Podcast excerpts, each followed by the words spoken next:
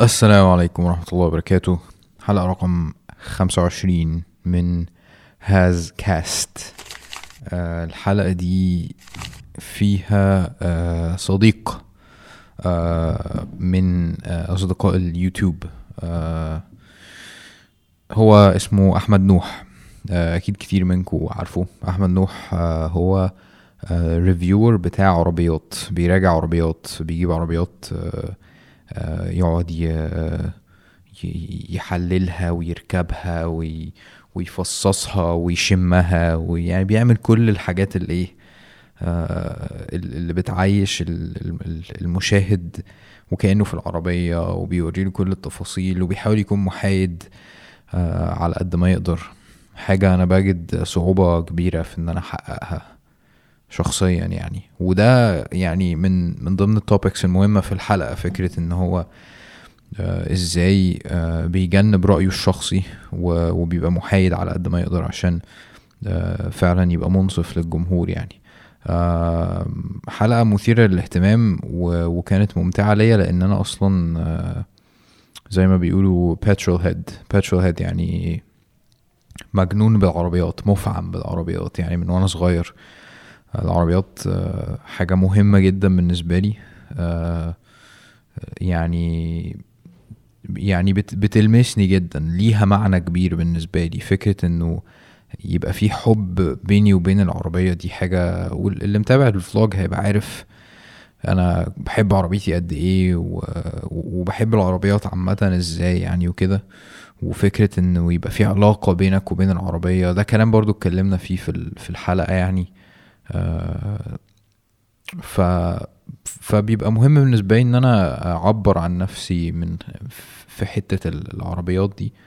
آه، وبحس ال- البودكاست عامة آه، الشخصيات المختلفة اللي أنا بجيبها بتبتدي آه، تعرفكوا عليا بشكل ما برضو.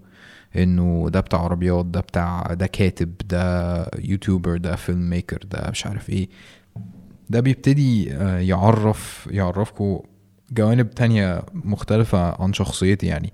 فالحلقة كانت آه، يعني حاولت أخليها ب- برضو حيادية على قد ما أقدر وما ما أخشش جامد في حوارات العربيات لأن أنا عارف إن في كتير منكم مش فارق معاه المعنويات والأحاسيس بتاعة العربيات والكلام ده. بس في نفس الوقت آه، أنا بيبقى عندي شغف كبير وأنا بتكلم عن العربيات فما فيش شك إن إحنا دخلنا في الحوار دوت جدا يعني. وسألنا السؤال التاريخي بتاع آه، اللي بيحب العربيات أكيد هي- هيبقى عارف السؤال ده اللي هو لو عندك جراج فيه خمس عربيات إيه هتختار إيه يعني. ف... فده كان في آخر الحلقة. أه حلقة ممتعة. أه أحمد نوح شخصية محترمة جدا.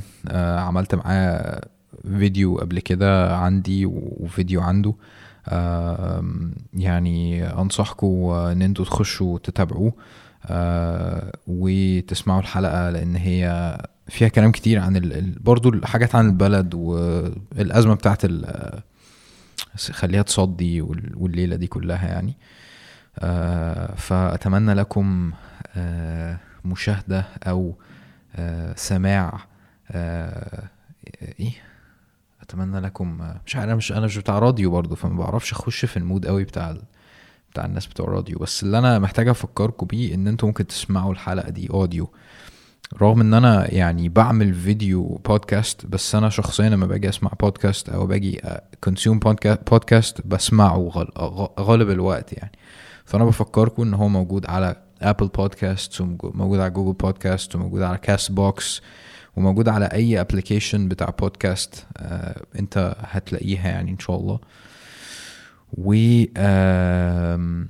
ال sponsor بتاع الحلقة دي آه قبل ما نخش في الحلقة هو كفيل dot com k a f i l dot com كفيل dot com هو موقع بتاع freelance لو انت عايز design لو انت عايز حد يترجم لك حاجة لو انت عايز website design لو انت عايز حد آه، ايا كان اللي بيجي على بالك انت تخش تكتب إنه أنا عايز كذا بت بت post الإيه ال- ال- ال- العمل بتاعك دوت آه، وبتكتب المواصفات واللي انت عايزه بالظبط وبيجي لك ناس عندها استعداد ان هي إيه آه، تعمل ال- ال- الشغلانة دي وانت بتختار من الناس دي. كمان في ميزة حلوة جدا ان انت لو عندك design عايز design للشركة بتاعتك أو أو ايا كان ال entity بتاعك بتخش ممكن تعمل مسابقة لل design ده بتكتب المواصفات وبيتقدم كذا design يعني أنا ممكن أقدم غيري ممكن يقدم. فممكن بدل ما تختار واحد بس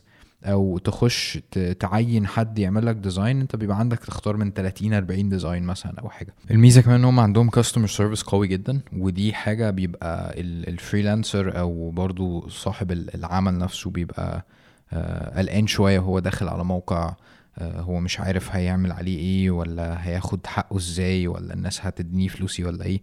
آه، فالميزة القوية عندهم إن هم عندهم ال ال الناس فعلا بيهتموا بالحقوق جدا و وفاهمين الطرفين كويس جدا ومنصفين جدا جدا يعني.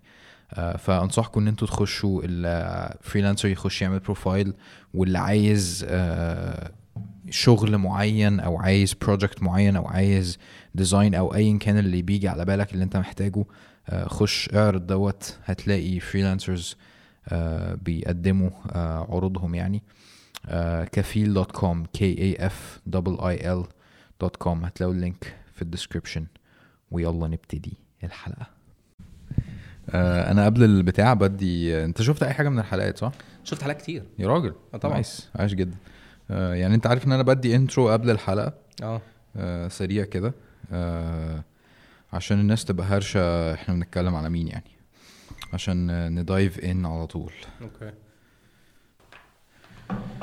كول أحمد نوح اوتو فندي قصدي لا ثانية السلام عليكم فنديه عارفين لما الواحد بيبقى حاسس إنه جعان بس بيفتح التلاجة ويروح باصص فيها وبعدين يروح قافلها تاني. النهارده معانا شيفروليه كروز يعني مش ما يعني ما بفهمش الحوار بتاع الأمثلة ده. بتفكر فيه إزاي ولا الهبدة دي بتيجي في دماغك إزاي؟ هو غالبا ببقى يعني الموضوع ابتدى إن أنا كنت لما بكتب المقالات بتاعة ال test drives كتابة بقى أيام المجلات كنت بحس دايما عشان القارئ يكمل الصفحة محتاج ياخد حاجة صادمة كده في الأول.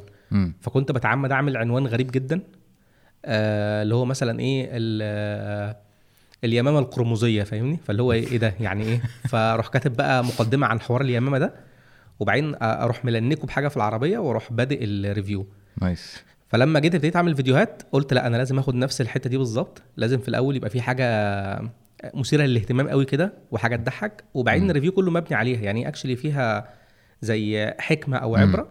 مبني عليها بقية الكلام. صح. فأنت تتصدم فتكمل فتفهم بقى أنا كان قصدي إيه في الأول. nice يعني ال metaphor أو التشبيه ده بيلخص لك العربية دي أو علاقتنا بالعربية دي هتبقى عاملة إزاي. أو حاجة غريبة فيها جدا يعني فأنا محتاج أقولها في الأول على طول. nice وبتدي بعد برضو creative للحوار وشوية روح عشان كل واحد بي بيعمل review العربيه أو للعربيات لازم يبقى ليه ال input بتاعه. والا هتبقى أنت ماسك spec sheet قاعد بتقرأ 300 CC مش عارف كام على ما أعرفش إيه وبتاع الحوار هيبقى monotonous جدا يعني وسخيف. مظبوط. أنا أصلا بشوف إن العربية أو العربيات عموما حاجة مملة جدا للناس اللي ما بتحبش العربيات. nice ف... هو هو ده بقى الكلام بقى اللي إحنا جايين نتكلم فيه. كمل.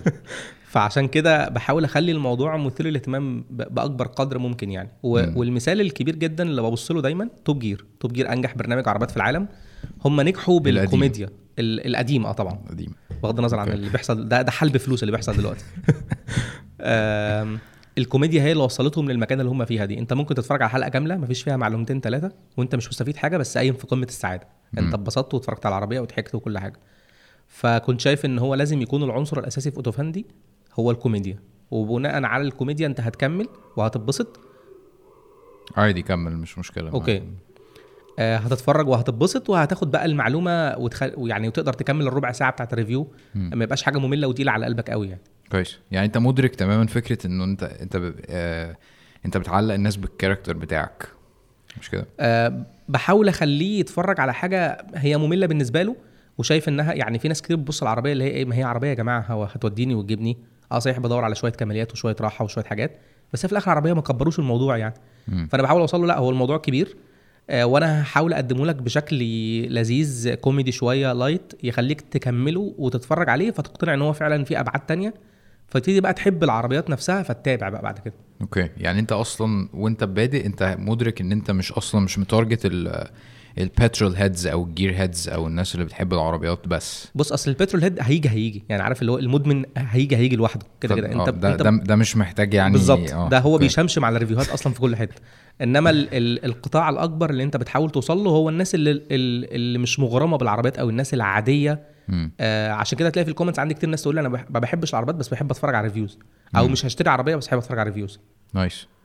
كويس جدا. أنت بالنسبة لك مش يعني أنت حاسس فعلا إنك عايز تعمل ده كخدمة ولا أنت بتعمله من باب حبك للعربيات ولا أنت اضطريت ليه بعد فترة ولا إيه بالظبط؟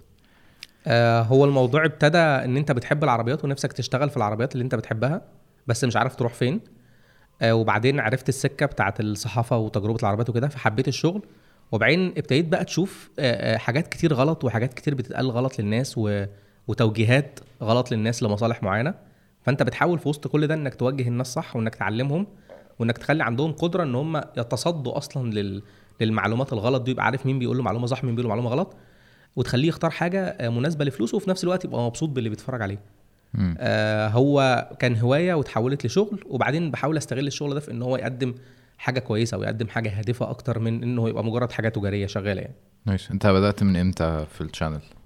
ال channel بدأت 2016 آه يعني بدات الشغل من 2016 آه بدأت آه ال- الأول فيديو نزل كان 5 2016 okay. ده كان عبارة عن إيه؟ ده كان review بتاع لاند كروزر لاند كروزر جبتها إزاي آه في الأول خالص كنت آه أنا عشان كان بقالي سنين كتيرة شغال في الخليج أو بقالي كام سنة شغال في الخليج فما كانش ليا أي علاقات بشركات العربيات هنا خالص. ففي الأول خالص آه اشتغلت مع معرض سيارات بتاع واحد صديقي. كان مؤمن جدا بالفكرة ومؤمن جدا بموضوع اوتوفندي ده. فكنت باخد منه العربيات واصورها ونعمل لها reviews وننزلها. في مقابل إن أنا أذكر اسم اسم المعرض يعني. كويس. آه وبعدين آه شوية بشوية ابتدى الموضوع يتوسع أكتر وابتدت آه آه الحاجة اللي أنا ما كنتش متوقعها إن الناس تكلمني تقول أنا لسه مشتري العربية أو معايا العربية وعايزك تصورها وتعمل لها review تتكلم عنها وبتاع. nice. آه ده بقى وفر لي عربيات كتير جدا جدا جدا لغاية أما الموضوع تطور وبقى لينا بقى علاقات بالشركات وابتدينا ناخد العربيات منهم وكده. هو عامة أنا ف- فكرت أنا وأخويا نعمل reviews للعربيات وبتاع زمان يعني بس الساحة ما كانش فيها الحوار ده خالص عشان إحنا برضو petrol heads جدا أنا والعربيات عارف أهم حاجة في حياتنا تقريبا يعني و Top Gear والحوارات دي كلها ف... ففكرة إن حد في مصر يعمل review العربية أصلا العربيات اللي في مصر ما هياش محمسة خالص إن أنت يعني الحوار هيبقى في الآخر يعني consumer advice عارف إن أنت بتنصح مظبوط. الناس ومش عارف إيه وبتاع ما فيش بقى إيه مازيراتي ولامبورجيني و... وتروح الجراج الفلاني تعمل مش عارف إيه. تخيلنا انه ما فيش حد أصلا هيهتم ب content زي ده آه، غير انه ما كانش فيه محتوى مشجع. فلما لقيناك موجود على الساحة انت تعتبر من اوائل الناس اللي عملت ال- الحوار ده آه صح؟ في ناس قبلي بس ما استمروش. كويس. آه يعني في ناس كتير طلعت وحاولت تعمل حاجة بس كانت بتزهق بسرعة قوي وبتفكس يعني. كويس. آه كلمني عن ال- ال- المشهد في الوقت ده كان عامل إزاي. إن أنت لما طلعت آه وكنت حاسس بإيه؟ وإيه اللي خلاك تستمر والتحديات والكلام ده؟ آه، بص أنا أصلا اللي حمسني أول حاجة الأوتوفندي إن أنا كنت أنا أصلا مدير محتوى. كنت بشتغل في شركة خليجية فإحنا كنا already بنعمل ال content ده لل للإخواننا في الخليج يعني. كنا بنكتب لهم scripts فيديوهات بنعمل reviews هناك بنعمل الكلام ده. بس أنا كنت دايما في في في التحرير نفسه في الكتابة ما بظهرش في الكلام ده يعني. ال content ده بيطلع في إيه على شكل إيه يعني؟ آه، بيطلع في videos بيطلع في content الرسمي للشركات في تقديم العربيات وكده يعني. انت خريج إيه؟ أنا حاسبات. طب وقفشت الشغلانة دي إزاي؟ بص أنا أنا ابتديت الموضوع أصلا في ثانوي. كنت بكتب آه، مقالات كده اونلاين آه، كهواية يعني. وبعدين آه، في مجلة من المجلات آه، شافوا المقالات بتاعتي اونلاين وكلموني أتدرب معاهم. آه، اتدربت معاهم وبعدين اتعينت في المجله وبقيت محرر وبعدين اترقيت عندهم بقيت محرر عام. وبعدين مشيت بقى. كنت بتكتب فين يعني؟ كانت مجلة عربيات هنا في مصر. انت بتقول زمان كنت بتكتب مقالات اونلاين كنت بكتب اونلاين آه في دي في D4Arab وكان في websites تانية بتاعت عربيات ساعتها كانت موجودة كنا بنكتب فيها. آه forums يعني. آه forums و websites آه forums الأول ابتديت وكان طبعا كانت كتابة ضايعة جدا يعني وبعدين. websites وابتديت أخد خبرة أكتر. كنت بتكتب عن إيه ساعتها؟ آه مقالات برضه عن العربيات. عن إيه بالظبط؟ إيه ال technologies الجديدة كان أياميها بقى الكلام ده طبعا 2006 2007 فكان ساعتها ال ABS والحاجات دي لسه حاجات جديدة شوية على السوق. مم. فكنا بنحاول بقى نشرح للناس يعني إيه أصلا ABS ده مش نوع فرامل زي ما بيقولوا لك في المعارض وزي ما بتوع ال sales بيقولوا لك. وكان ساعتها في مشكلة كبيرة جدا إن بتوع ال sales اللي موجودين أو غالبيتهم يعني اللي موجودين في المعارض ما فيش training ما فيش معلومات ما فيش أي حاجة خالص. فهو بياخد أي معلومة بيهبدها للمشتري والمشتري طبعا ما عندوش أي مصدر أصلا يجيب منه معلومة غير دي. وكان ساعتها للأسف الجرايد آه، اللي موجودة في السوق والمجلات اللي موجودة في السوق كانت تجارية بحتة. كان حتة المعلومة الصح دي يعني ما فيش حرص عليها قوي يعني. فكنت بحاول إن أنا إيه نوعا ما آه يعني نعمل أي حاجة خالص في السوق في إن إحنا نكتب المقالات دي أونلاين ونحاول نقدم بيها توعية شوية وكده يعني. وكان طبعا ساعتها بخبرتي قليلة جدا وكان مستوى الكتابة رديء جدا يعني. لما دخلت بعد كده اتدرب في مجلات الموضوع ابتدى ياخد شكل احترافي أكتر ابتديت أفهم أكتر التحرير ده ماشي إزاي؟ المقالات بتتكتب إزاي؟ الكتابة الصحيحة عاملة إزاي؟ ابتديت أتعلم من ناس تانية كبيرة. آه، وشوية وشوية مشيت في المجال بقى لغاية 2011 آه، طبعا لما حصل بقى الثورة كل المجالات اللي هنا قفلت. فبالتالي الباب ده هنا اتقفل خالص فابتديت بقى أتجه للشغل في الخليج. مم. بس. نايس. فأنت دلوقتي شغال في الشركة بتاعه الخليج دي قصدي دلوقتي في, في الزمن ده يعني مش آه، مش, دلوقتي 2016. حاليا يعني.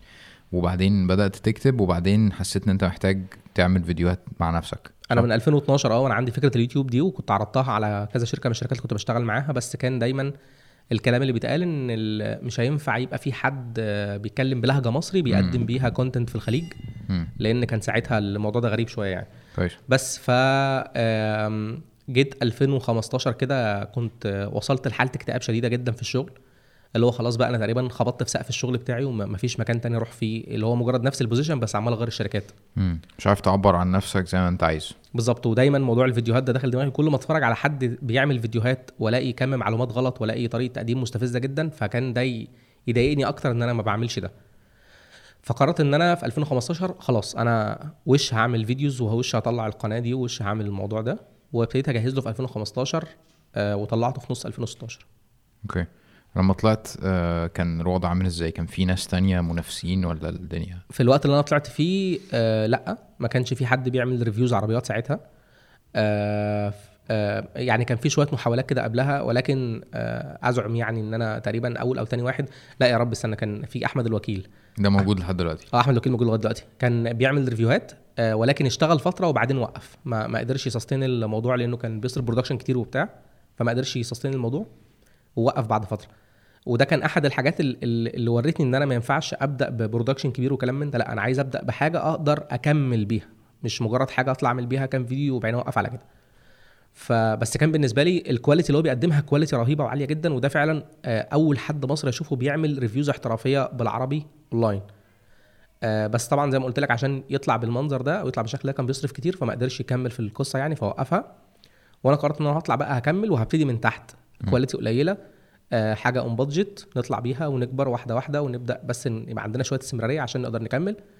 وبدأت وكملت بيها. وساعتها كان في مقاومة عجيبة جدا من الناس لل reviews. اللي هو أنت مين يا ابني؟ أنت أصلا عشان تطلع تقول رأيك في عربية. ولما تبقوا تصنعوا عربية يبقوا كلموا وهو أنت يعني المهندسين في اليابان قاعدين مستنيينك إن أنت تطلع تقول لهم الحاجات اللي في العربية. فكانت في مقاومة عجيبة جدا جدا. آه واحدة واحدة المقاومة ابتدت تقل واحدة واحدة ابتدى يبقى عندك جمهور يدافع عنك. مم. ابتدى يبقى الناس شوية مقتنعة بالكلام ابتدى الناس شوية مقتنعة إن اللي بيتكلم ده ممكن يكون فاهم فعلا. طب تعال نسمع هيقول إيه؟ كده. نايس والمقاومة دي موجودة لحد دلوقتي طبعا. بس خفت جدا بقى. يعني خفت جدا جدا خلاص. مش عارف هي خفت ولا أنا اللي جيت نحست فما بقاش يفرق معايا الكلام اللي بيتقال. لا أنا متأكد إنه إن أنت الجمهور بتاعك كبر أكبر بكتير من إن أنت تشوف الكومنتس الرخمة دي أو فعلا هم اللي بيطرعوا لهم على طول. بس آه، يعني مجال العربيات فعلا هو فيه الحتة دي في حتة إن أنت إيه مصداقيتك عشان تقول رأيك في مش عارف إيه وبتاع.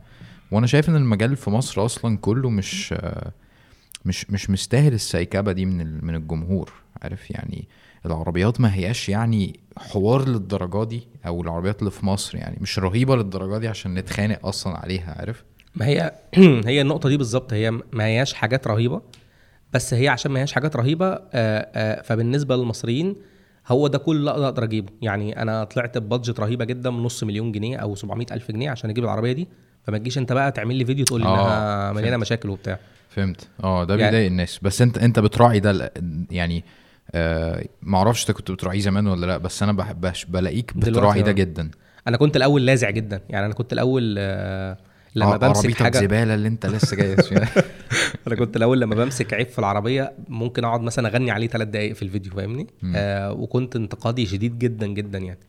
مع الوقت ابتديت أخد بالي إن أنا محتاجه أخف التون دي شوية إن أنا محتاجه شوية النقد اللاذع ده آه بيخلي آه الناس يا إما تنفر من الفيديو يا إما ما تفهمش ال ال ال ال العربية بالظبط رايحة فين وجاية منين. يعني مثلا ممكن تكون عربية حلوة جدا بس أنا في حتة معينة مضايقاني فأنا مسكتها مثلا دقيقتين الحتة دي اشتغلت عليها جامد يعني. فيطلع بانطباع نهائي إن العربية زي الزفت. أنا ما قلتش غير عيب واحد بس بس أنا انتقدته جامد لدرجة إن هو إدى انطباع إن العربية كلها وحشة. فابتديت أعدل المحتوى ده وأحسن فيه إن أنا يبقى في الآخر أنت خارج بالصورة الصحيحة إن العربية فعلا حلوة ولا العربية وحشة ولا العربية فيها عيوب كتير ولا لأ. ف من 2016 لغاية النهارده أنا بطور في المحتوى review بعد review آه ولغاية النهارده ما وقفناش تطوير يعني. لغاية النهارده السكريبت بيتغير الكلام بيتغير الإفيهات بتتغير طريقة ال- الانتقاد نفسها بتتغير وهكذا. دي أزمة شوية عشان الناس بتقول لك إيه أنت اتغيرت وما بقتش زي الأول. ما هو إحنا فعلا اتغيرنا بس اتغيرنا عشان خاطر إحنا بنحاول نكون احترافيين أكتر وبنحاول نوصل معلومة أصح وبنحاول آه، نقدم حاجة أفضل للجمهور. لكن ما اتغيرناش عشان إحنا بقينا وحشين كنا حلوين وبقينا وحشين يعني لأ خالص. بس هو طبيعي إنك تتغير. لو ما اتغيرتش يبقى المحتوى كده زي الزفت. طب آه الاحترافيين انت بتقول كده. إيه هو الم... ال... ال... إيه هو شكل أو أو هدف الريفيور المصري؟ آه ال- المثالي عارف؟ يعني إيه إيه اللي انت بتارجته عشان تبقى احترافي؟ يعني إيه احترافية في مصر؟ إيه اجمد حاجة؟ عارف؟ Okay. هو الاحترافية عموما بتتقال آه، لما تكون انت آه، ده ده أكل عيشك هو ده, ده شغلك. انت مش مجرد حازم بيروح الشغل الصبح ويرجع بعد الظهر بيحب العربيات. لا هو actually حازم عايش العربيات هو بياكل ويشرب منها ده شغله ودي حياته ووقته كله في القصة دي. فده جانب الاحترافية انت محترف في المجال ده فانت بتتربح منه. آه، الحاجة التانية إن عشان تبقى أنت احترافي بقى وتتربح من المجال ده فأنت المفروض إن أنت ماشي على شوية قواعد معينة منها مثلا إن أنت ما ينفعش أي معلومة تطلع منك إلا لما تكون اولا أنت فاهم المعلومة دي كويس جدا ثانيا متأكد منها كويس جدا وإلا تقول آه، في ال review يعني مثلا ساعات لما نيجي نجيب شوية معلومات عن العربية ساعات يبقى الموتور مثلا موجود في مصر مش موجود بره فبالتالي ما أعرفش أجيب كل الأرقام الرسمية بتاعه. الجزء ده فبقول في ال review أقول مثلا أرقام التسا... التسارع مثلا العربية 11 ثانية ولكن الرقم ده مش أكيد لأن العربيه الموتور ده مش موجود غير في مصر بس مم. فمهم جدا إنك تكون عندك دايما مصادر موثوقة كده للمعلومات اللي أنت بتقولها ومهم جدا إنك تكون فاهم كويس قوي أنت بتعمل إيه يعني أنت بتقيم العربية دي فأنت فاهم إيه ال- ال- الفئة التنافسية بتاعت العربية الفئة السعرية بتاعتها مين منافسينها؟ وضعهم إيه بالظبط في السوق؟ جربتهم عشان يبقى عندك ريفرنس في الفئة دي. وبناء عليه أنت بتبني بقى رأيك عن العربية دي. لكن فكرة إن أنت تكون آه، ما جربتش أصلا منافسين ما تعرفش كويس مش دارس كويس الفئة دي عاملة إزاي آه، مش شايف الصورة كاملة عنها وعن تسعيرها وعن الفئات اللي فوقها وتحتها آه، أنت كده بتقدم رأي غير احترافي. أنت كده مش ملم بالموضوع ككل فبالتالي أنت بتقدم رأي آه، مغلوط للناس أو بتقدم صورة غير كاملة للناس. قد يكون أنا وأنت شايفين الصورة كاملة وإحنا الاثنين احترافيين ولنا اراء مخت... اراء مختلفه كل واحد فينا عنده وجهة نظر مختلفة مفيش أي مشكلة في ده. مم. لكن إنك تكون أصلا مش شايف الصورة كاملة دي بقى قلة الاحترافية. أوكي. جامد جدا. ودي نصايح قوية جدا لحد عايز يبتدي أصلا إن هو لازم يبقى مدرك آه يعني م- ما ينفعش يتكلم عن العربية ب- اللي هو طالع يتكلم عليها بس لازم يبقى عارف كل ال- كل اللي داير حواليه أصلا يعني. مظبوط. آه مثلا الناس ساعات بتنتقد حتة إيه؟ إن أنا ممكن أجيب عربية رخيصة جدا تحت ال 200 ألف جنيه واقول مثلا إن أنا عاجبني جدا أداء العربية. وأجيب عربية تانية مثلا ب 700 800 ألف جنيه وأقول إن العربية مش عاجبني اداء فيقول لك إيه؟ أنت يا ابني مجنون. يعني إزاي عاجبك أداء دي ومش دي؟ ما هو الموضوع ريليتيف أنا عاجبني أداء اللي تحت ال 200 مقارنة باللي تحت ال 200 مم. ومش عاجبني أداء اللي ب 700 مقارنة باللي ب 700 هو دايما إحنا بنقارن العربيات اللي بنفس الفئة. فلما أقول على دي حلوة يبقى هي حلوة في السعر ده. ولما أقول على دي وحشة يبقى هي وحشة في السعر ده. إيه اللي جه في بالك دلوقتي آه لما قلت حاجة فوق ال 700 مش عاجباك كان البي إم دبليو 320 الاف 30 مم. ما كانش عاجبني فيها العزل بتاع الصوت خالص. و... وكنت قبلها عامل review عن الكورولا وكنت بكلم ان عزل الصوت فيها حلو قوي فالناس تقول لك أنت أنت إزاي بتقول إن الكورولا دي مش عارف ده في فرق مثلا 400 ألف جنيه بين الاثنين أيوه حضرتك ما هو الكورولا في فئتها وال 320 في فئتها مم. الإزاز رفيع مش كده؟ آه، لا هو ال- التقفيل المصري عامة آه بالظبط صح. بيأثر شوية في النقطة دي. بالظبط. كان في حد لسه جايب بي إم دبليو حد صاحبي يعني وكان بيشتكي فعلا إن هي بتزيق وبتصفر ومش عارف إيه وبتاع فراح راجع التوكيل وظبطوها له وادوها له تاني. في من ده كتير يعني في حاجات من دي كتير. بس برضه عشان نبقى آه، بنقول الصورة كاملة يعني في ناس بتحاول تروج إن ال- ال- الحاجة التقفيل المصري أو الحاجة التجميع المصري دايما بتطلع بجودة أسوأ وكده يعني. الكلام ده مش صح أو مش ما يسريش على كل العربيات. آه في عربيات فعلا ال- التقفيل المصري فيها بيبقى بجودة سيئة وبيبقى في عدم اهتمام بالتفاصيل. غريب جدا. مم. لكن في عربيات تانية مهما اتجمعت هنا أو اتجمعت بره أو ايا كان هو في ستاندرد معين العربية ماشية عليه. تاخد بالك بقى من حاجات صغيرة جدا زي مثلا عزل الصوت. خامات العزل بتاعت الصوت مش أحسن خامات في الدنيا أو مش زي اللي موجودة بره أو مع الوقت ما بتديش نفس الأداء. آه لكن الأساسيات يعني مثلا ال safety بتاع العربية ال performance بتاعها الكلام ده عمره ما يتأثر بالتجميع المحلي والحاجات دي. okay الحاجات دي بس ثابتة. بس أنت قلت في standard معين في التقفيل في بعض الشركات. واحدة منهم مش بي ام دبليو آه لا بي ام دبليو طبعا عندها standard عندها standard طبعا. قوي يعني هتجيب جداً. واحدة من هنا زي اللي هتجيبها من بره. آه ما أنا قلت لك بقى الاختلافات تبقى في حاجات طفيفة جدا لكن عمرها ما تكون في الأساسيات. okay. هتلاقي اختلافات في تقفيل حاجات معينة مختفية ال- ال- الاختلافات في المواد بتاعت عزل الصوت حاجات كده. لكن آه، مش اختلافات جوهرية مش حاجات في ال safety مش حاجات في في ال mechanics مش كده يعني. طب إحنا دلوقتي في مصر عندنا عربيات زي اللي بتنزل بره آه بس طبعا ستريبت خالص يعني ما فيهاش حاجات كتير من اللي بتنزل بره. آه هل ده حقيقي في, في, في, السوق كله ولا في حاجات مثلا بتنزل هنا زي بره بالظبط؟ آه، دلوقتي بعد ال ال ال الاعفاء الجمركي للعربيات الأوروبي بقى في عربيات تنزل هنا بغالبية الكمالات اللي بتنزل بره. ولكن برضو نرجع ونقول إيه؟ العربيات حتى المعفية جمركيا هنا في مصر الأوروبي عليها ضرايب لسه. مم. لسه بتدفع ضرايب حوالي 18 19% آه، في حاجات آه، ممنوع أصلا تدخل. يعني في أنظمة آه، أمان معينة أو أو كماليات معينة آه، مرتبطة بأنظمة معينة ليها علاقة بلادار أو رادار جي وبتاع بي إس يعني مثلا أو ال GPS مؤخرا كمان. الأول كان بيبقى عادي دلوقتي كمان مؤخرا بقى عليه تضييقات شوية يعني. فغالبا بيبقى الحاجات دي صعب شوية إنها تيجي في وسط التضييقات دي في وسط الحاجات دي إضافة إن ال- ال- الحاجات الصغيرة دي بتزود قوي في السعر فبتوصل العربيه لسعر غير تنافسي فبالتالي الوكيل بيقول لك لا يبقى الأفضل ما اجيبش الحاجة دي. خاصة إن هي مش حاجة جوهرية قوي بالنسبة للسوق المصري يعني. Okay. بس المواتير دايما آه، أرخم صح؟ ما هو أنت عندك هنا حتى يعني الاولا العربيات الغير معفية المواتير بتفرق جدا فيها. أنت بتجيب مواتير آه، في range 1600 فما أقل عشان خاطر ال- الشرايح الجمركية كويس. العالية جدا اللي تدفعها. لكن الحاجات المعفية انت صحيح مفتوح لك إنك تجيب مواتير أكبر بس التجربة بتاعت السوق عشان خاطر التراخيص هنا آه، الضريبة اللي بتدفعها في الترخيص مرتبطة بالسعة اللتريه بتاعت الموتور. فالعربيات ال- اللي بموتور كبير برغم إن سعرها كويس جدا الناس برضه ما بتشتريهاش لأنه يقول لك أنا هدفع كتير في الترخيص فالتجربة بتاعت الوكلاء إن هو برده ما راحش جاب الموتور الكبير لإن هو عارف إن المستهلك هنا مش هيروح يشتري الموتور الكبير مم. خوفا من ضرائب الترخيص يعني. والبنزين والحوارات دي كلها طبعا. هو غالبا مش هيفرق قوي معاه البنزين لإنه يعني هو شخص اشترى عربية في budget عالية فموضوع okay. مصاريف البنزين مش فارقة معاه. بس هو فارق معاه جدا جدا ال- السعر بتاع ضريبة الترخيص لإنه ممكن يكون مبلغ كبير سنويا يعني. امم أوكي. آه العربيات الكهرباء ليك أي تجربة معاها؟ عندك فكرة وضعها عامل إزاي؟ آه، جربتها. بس أنا يعني بص هو الموضوع ترند قوي والناس كلها بتتكلم عنه كده وهو فعلا المستقبل هو المستقبل جاي. بس في حاجات كده ال... أنت ما بتروح لهاش أو المستقبل فعلا ما بيوصلش عندها إلا لما يكون احتياج مش رفاهية. يعني مثلا آم، أنت فتحت مدينة سكنية جديدة آه، على طريق ال- السخنة مثلا أو على طريق السويس أو ايا كان يعني زي العاصمة الإدارية مثلا. الناس إمتى هتروح تقعد هناك؟ لما يكون في احتياج. أنا خلاص شغلي هناك ليا مصنع هناك بشتغل فيه ليا شركة هناك بشتغل فيها. التنقلات بقت صعبة جدا بالنسبة لي فأنا حتما ولا بد أروح أعيش هناك. أوكي. لكن طول ما أنا موجود عندي شغل في القاهرة وطول ما أنا موجود عندي كل حاجة هنا قريبة إيه اللي يخليني أروح أقعد هناك أصلا؟ نفس القصة في عربيات الكهرباء.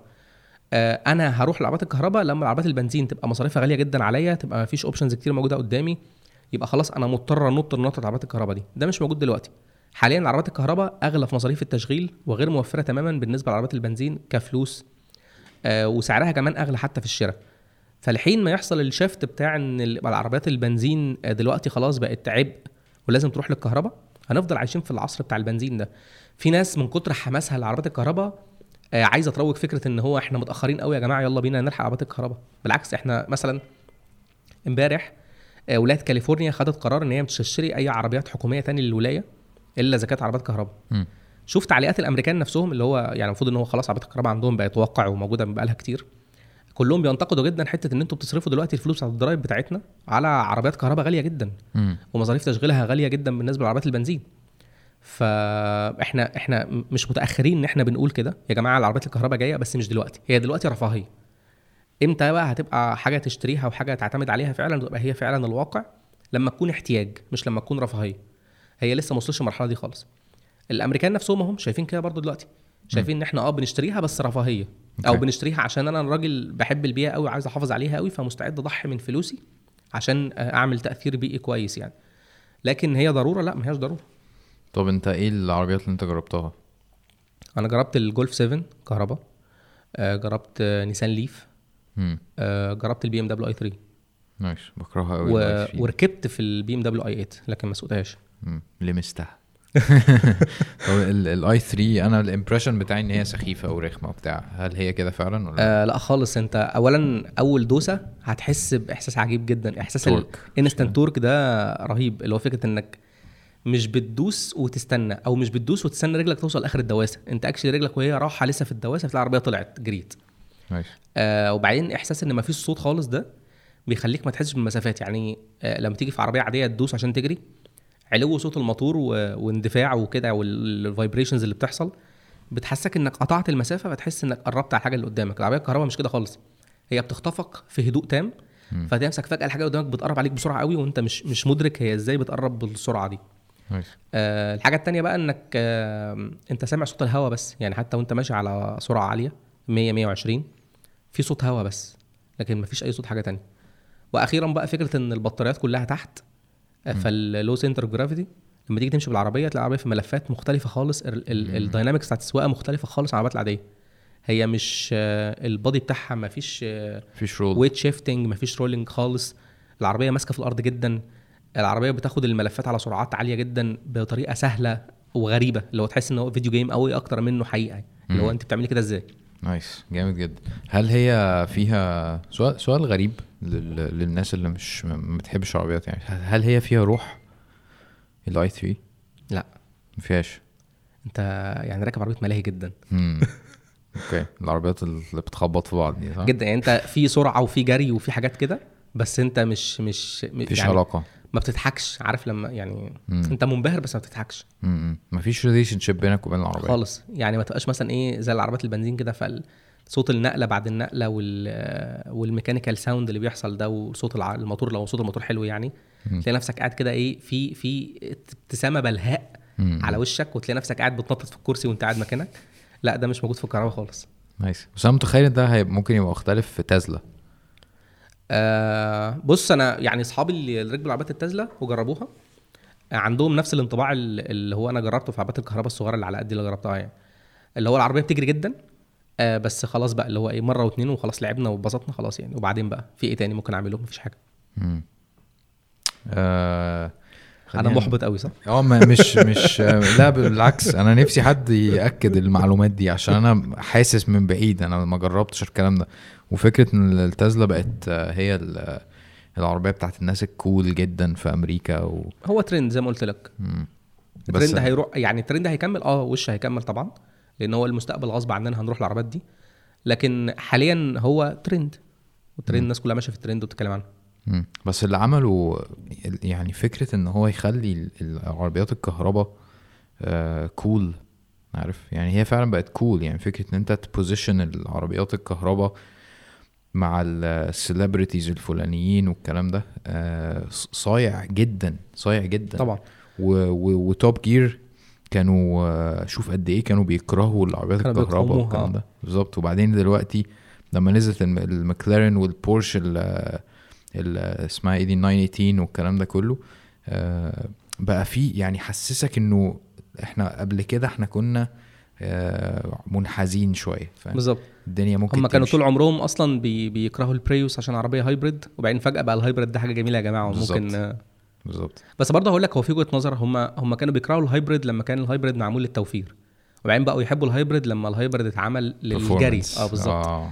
فهو دي الفكرة أنا أنا ممكن أكره الحاجة وأحبها حسب هي استخدمت في إيه بالظبط. بتهيألي ده اللي ممكن يدي للتسلا روح عن العربيات الكهرباء ال- هو غالبا ده ده اللي خلى تسلا عربيه الناس كلها بتحبها ال ludicrous mode والطلعة ال- ال- آه. الفظيعة دي وال acceleration 2.5 0 to 100 ولا- آه في, في ثانيتين ونص ولا حاجة.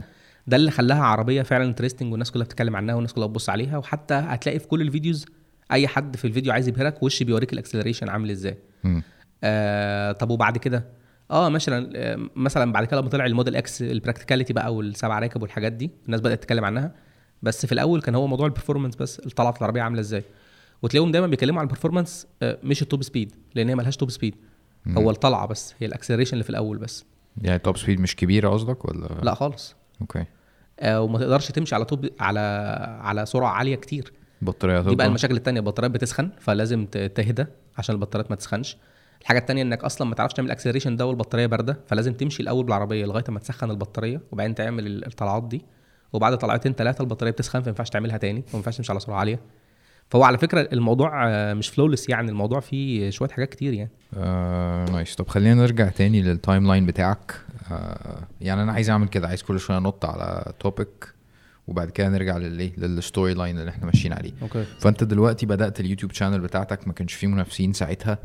آه أنا بالنسبة لي بستعجب لفكرة إن أنت كنت بادئ بداية آه يعني أما كنت بتشوف فيديوهاتك أكيد كنت بتحس إنه لسه بدري قوي. جدا. صح؟ جدا. إزاي كنت بت بتلاقي القوة على إنك تستمر؟ آه، بص ما كانتش فيديوهاتي خالص كانت الفيديوهات بتاعت الناس التانية. أنا كنت كل ما أتفرج على المحتوى اللي الناس الناس التانية بتقوله ال- المعلومات الغلط اللي بتقولها الطريقة المستفزة جدا اللي كانوا بيقدموا بيها العربيات كان ده هو الدافع بتاعي إن أنا أكمل في اوتوماندي آه كنت شايف إن أنا قدامي سكة طويلة جدا بس كنت شايف إن برضو السكة دي لازم تتمشي عشان نحط حد لل... للي بيحصل ده يعني. نايس. آه أوتو اوتوفاندي اوتوفاندي دي جاية من يوستفندي فعلا؟ أنت كنت عايز تعملها كده؟ لا خالص. أمال إيه؟ بص أنا كنت بتكلم مع واحد صاحبي في الشغل اسمه صلاح آه وأنا بقى إيه إيه لسه بحاول أشوف اسمه وكده يعني. فقال لي بقول لك إيه في قناة اسمها Android باشا. آه كلمة باشا دي إحنا هنا بنقولها كتير قوي في مصر وبتاع ومحدش بيستخدمها خالص. ما تيجي نفكر في حاجة فيها. فقعدنا نفكر فقلت له طب أوتو باشا. وبعدين حسينا أوتو باشا دي مستفزة جدا يعني مش مش ماشية خالص. فقلت له طب تعال نشوف إيه تاني زي باشا دي بنقوله عندنا هنا. فقال لي أفندي. فقلت له أوتو أفندي. فكان الاسم بالنسبة لنا في الأول أوتو أفندي. وبعدين إيه؟ قلت له طب ما نطير الألف دي نخليها أوتو فندي على طول. بس. فحسينا أوتو فندي شبه استوفندي والدنيا آه. شبه يوستفندي okay. بالظبط. بس ما كانتش آه, آه وكان حتى كان حتى ساعتها اللي في دماغي إن الثيم بتاع ال videos هيبقى فيه استوفندي كتير وهطلع ماسك استوفنديه في الأول وبتاع. شغل الدحيح ده قوي يعني. آه وبعدين آه لما جينا المبدع طارق الزيني عمل اللوجو بتاع اوتوفندي فطلعه بالطربوش وبال style ده فشلت دماغي خالص فكرة بقى الاستوفندي والكلام اللي كنت بفكر فيه ده. وخلاص بقى مشيت موضوع الافنديه ده. nice عايز أكلمك عن الحيادية لأن أنا لو أنا بعمل review عن العربيات آه الناس هتكرهني وهتكره العربية وهتكره حياتها وكل الكلام ده من كتر ما أنا هبقى منحاز ومش فارق معايا خالص. okay. فأنت بت بتعرف تحافظ على الحيادية إزاي؟ آه مع إن أنت في نفس الوقت أنت اللي بتقدم الحاجة كويس؟ فأنت. عايز في نفس الوقت يبقى ليك رأي ورأيك واضح والكاركتر بتاعتك ظاهرة في الفيديو عارف؟ فالصراع دوت بتهندله إزاي؟ بص في حاجة كده دايما لما بنقولها الناس بت يعني بتاخدها بمحمل إن إحنا بننتقد الشباب الصغيرين وإن إحنا بنحاول نقفل المجال على نفسنا وما نشجعش حد انه يدخل وكده يعني. بس فعليا ما ينفعش حد يطلع يعمل reviews من يكون ما يكون عنده من غير ما يكون عنده خلفية صحفية أو من غير ما يكون فاهم كويس قوي المحتوى اللي بيقدمه ده احترافيته شكلها عامل إزاي. النقطة اللي أنت بتتكلم فيها دي أنا اتعلمتها لما كنت في المجلات. كنت لما أكتب مقال عن عربية أو أكتب test drive عن عربية أو أكتب مراجعة عن عربية كنت بيبقى رأيي الشخصي داخل جدا في الموضوع. آه فكان دايما مدير التحرير بتاعي كان يقعد يقول لي آه كده غلط والنقطة دي لا مش صح ومش مظبوطة طب وبنيت دي على إيه؟ بنيتها على كذا كذا لا الرأي ده غلط. آه وكان دايما يقول لي رأيك ده تخليه في بيتكم مم. أو تقوله لأصحابك على القهوة. أنا مش عايزه في المجلة هنا. مم. أنا هنا عايز رأيك الاحترافي. في ال- في الوقت ده أنا اتعلمت إزاي أفصل ما بين رأيي الشخصي وما بين آه، التجربة الاحترافية أطلع منها بنتيجة عاملة إزاي. اتعلمت إن كل حاجة بتجربها في العربية ليها سيناريو. لازم تجرب على السيناريو ده ولازم تقيس المقياس ده على بقية العربيات اللي موجوده في الفئة دي بالنظرة العامة اللي أنا قلت لك عليها بظروفهم كلهم بكلام ده. وبناء عليه تحط ال ال النقطة دي. أنا في عربيات كتير قوي في أوتوأفندي. قلت عنها كلام زي الشعر في review. وأنا فعليا لو بقى معايا فلوسها بعد review مستحيل أشتريها. أو نزلت منها اللي هو إيه قفلت الباب ورحت سلمت العربية وأنا مش عايز أركبها تاني أصلا عربية مملة جدا. وفي عربيات كتير أنا سلختها في ريفيوهات وأنا هموت وأشتريها نفسي فيها جدا عربيات عجباني جدا.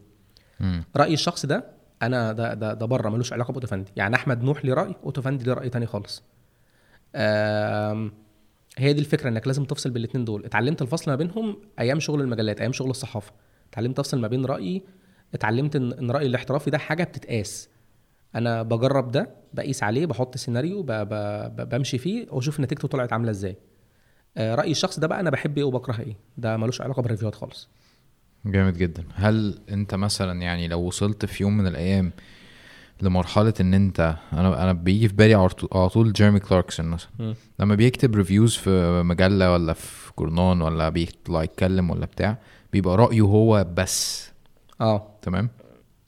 اولا هل ده مختلف عن آه، يعني هل هو car reviewer مختلف عن بقية الناس ولا هل أصلا دي شغلانة مختلفة خالص؟ لا هو كلاركسون آه، في الثمانينات والتسعينات وفي أول توب جير القديم كان كده. يعني كلاركسون كان ماسك حتة الحداية بس كلاركسون بقى يعني كلاركسون icon أكتر منه مجرد صحفي سيارات أو مجرد car reviewer يعني. آه والعالم كله والشركات وكل الناس عايزين يعرفوا رأيه الشخصي مش عايزين يعرفوا رأيه الاحترافي. okay.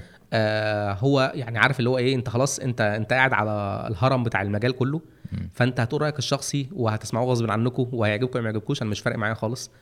آه بالعكس أنا أنا واحد من الناس مثلا بحب رأيه الشخصي مش رايه الاحترافي رايه الاحترافي ده أنا ممكن أي واحد صحفي تاني بيفهمه أكتر منه بكتير يقوله لي. آه واحد زي كريس هاريس مثلا ال technicals اللي بيطلعها في العربيات بالنسبة لي أشطر ألف مرة من كلاركسون. بس أنا بحب كلاركسون عشان رأيه الشخصي.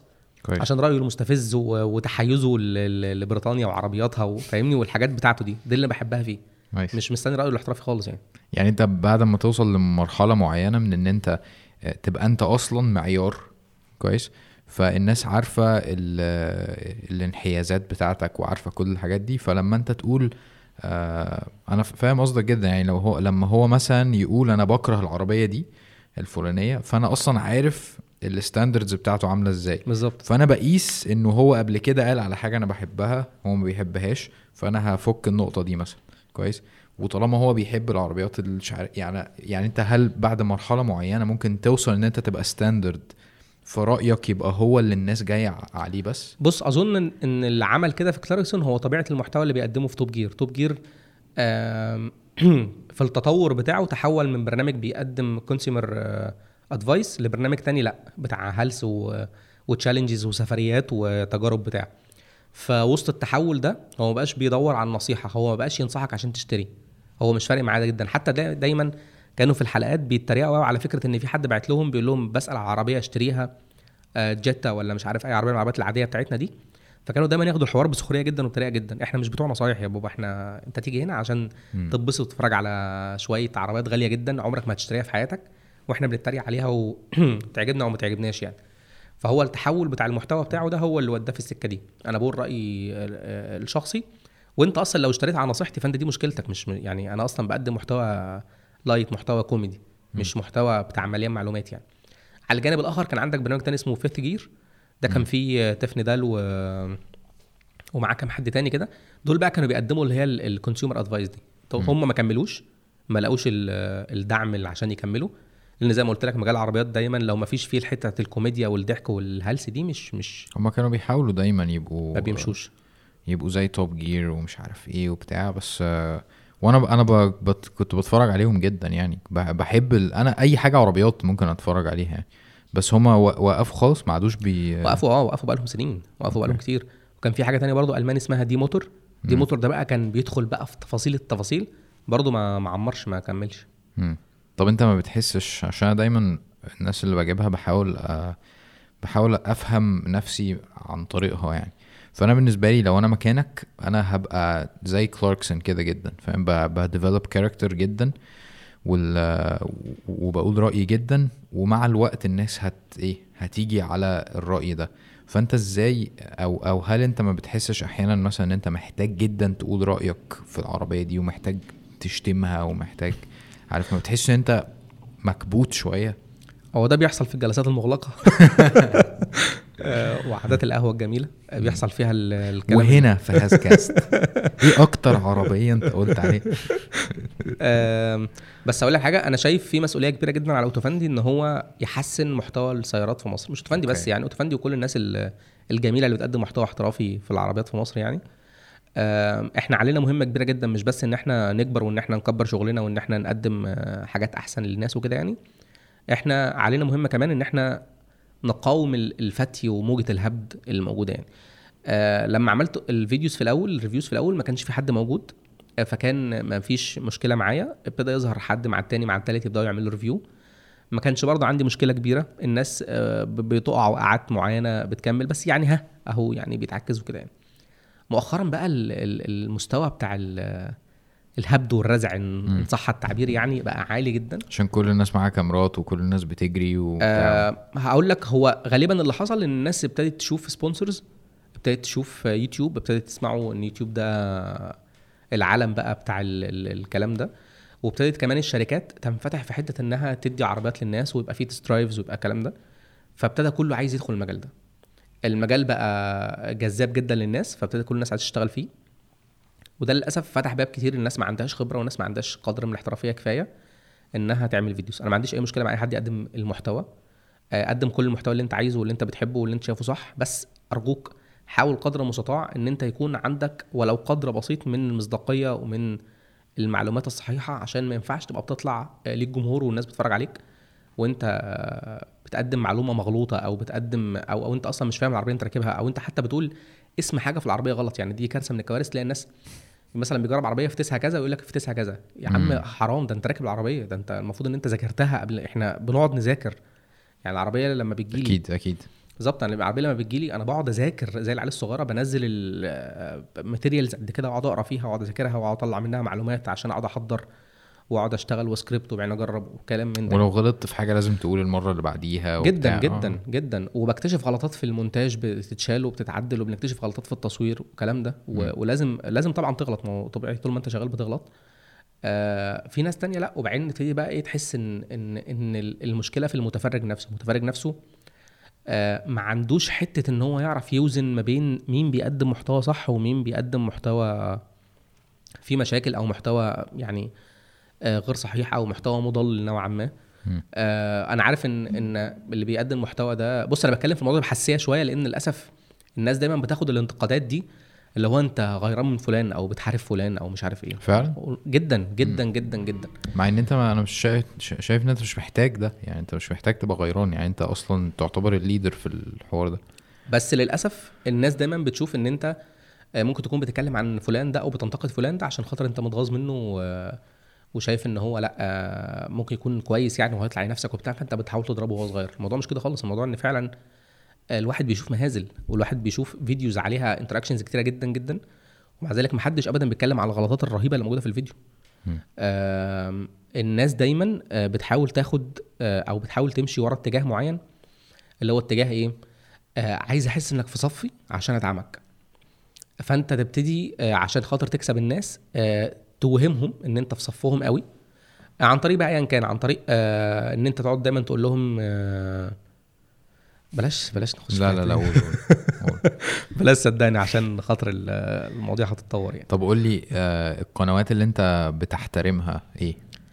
آم، بص أنا أكتر ثلاثة أضمن دايما المحتوى بتاعهم وأنا عارف قدر الاحترافية اللي هم بيشتغلوا عليه. هم أحمد عمار وأحمد الوكيل.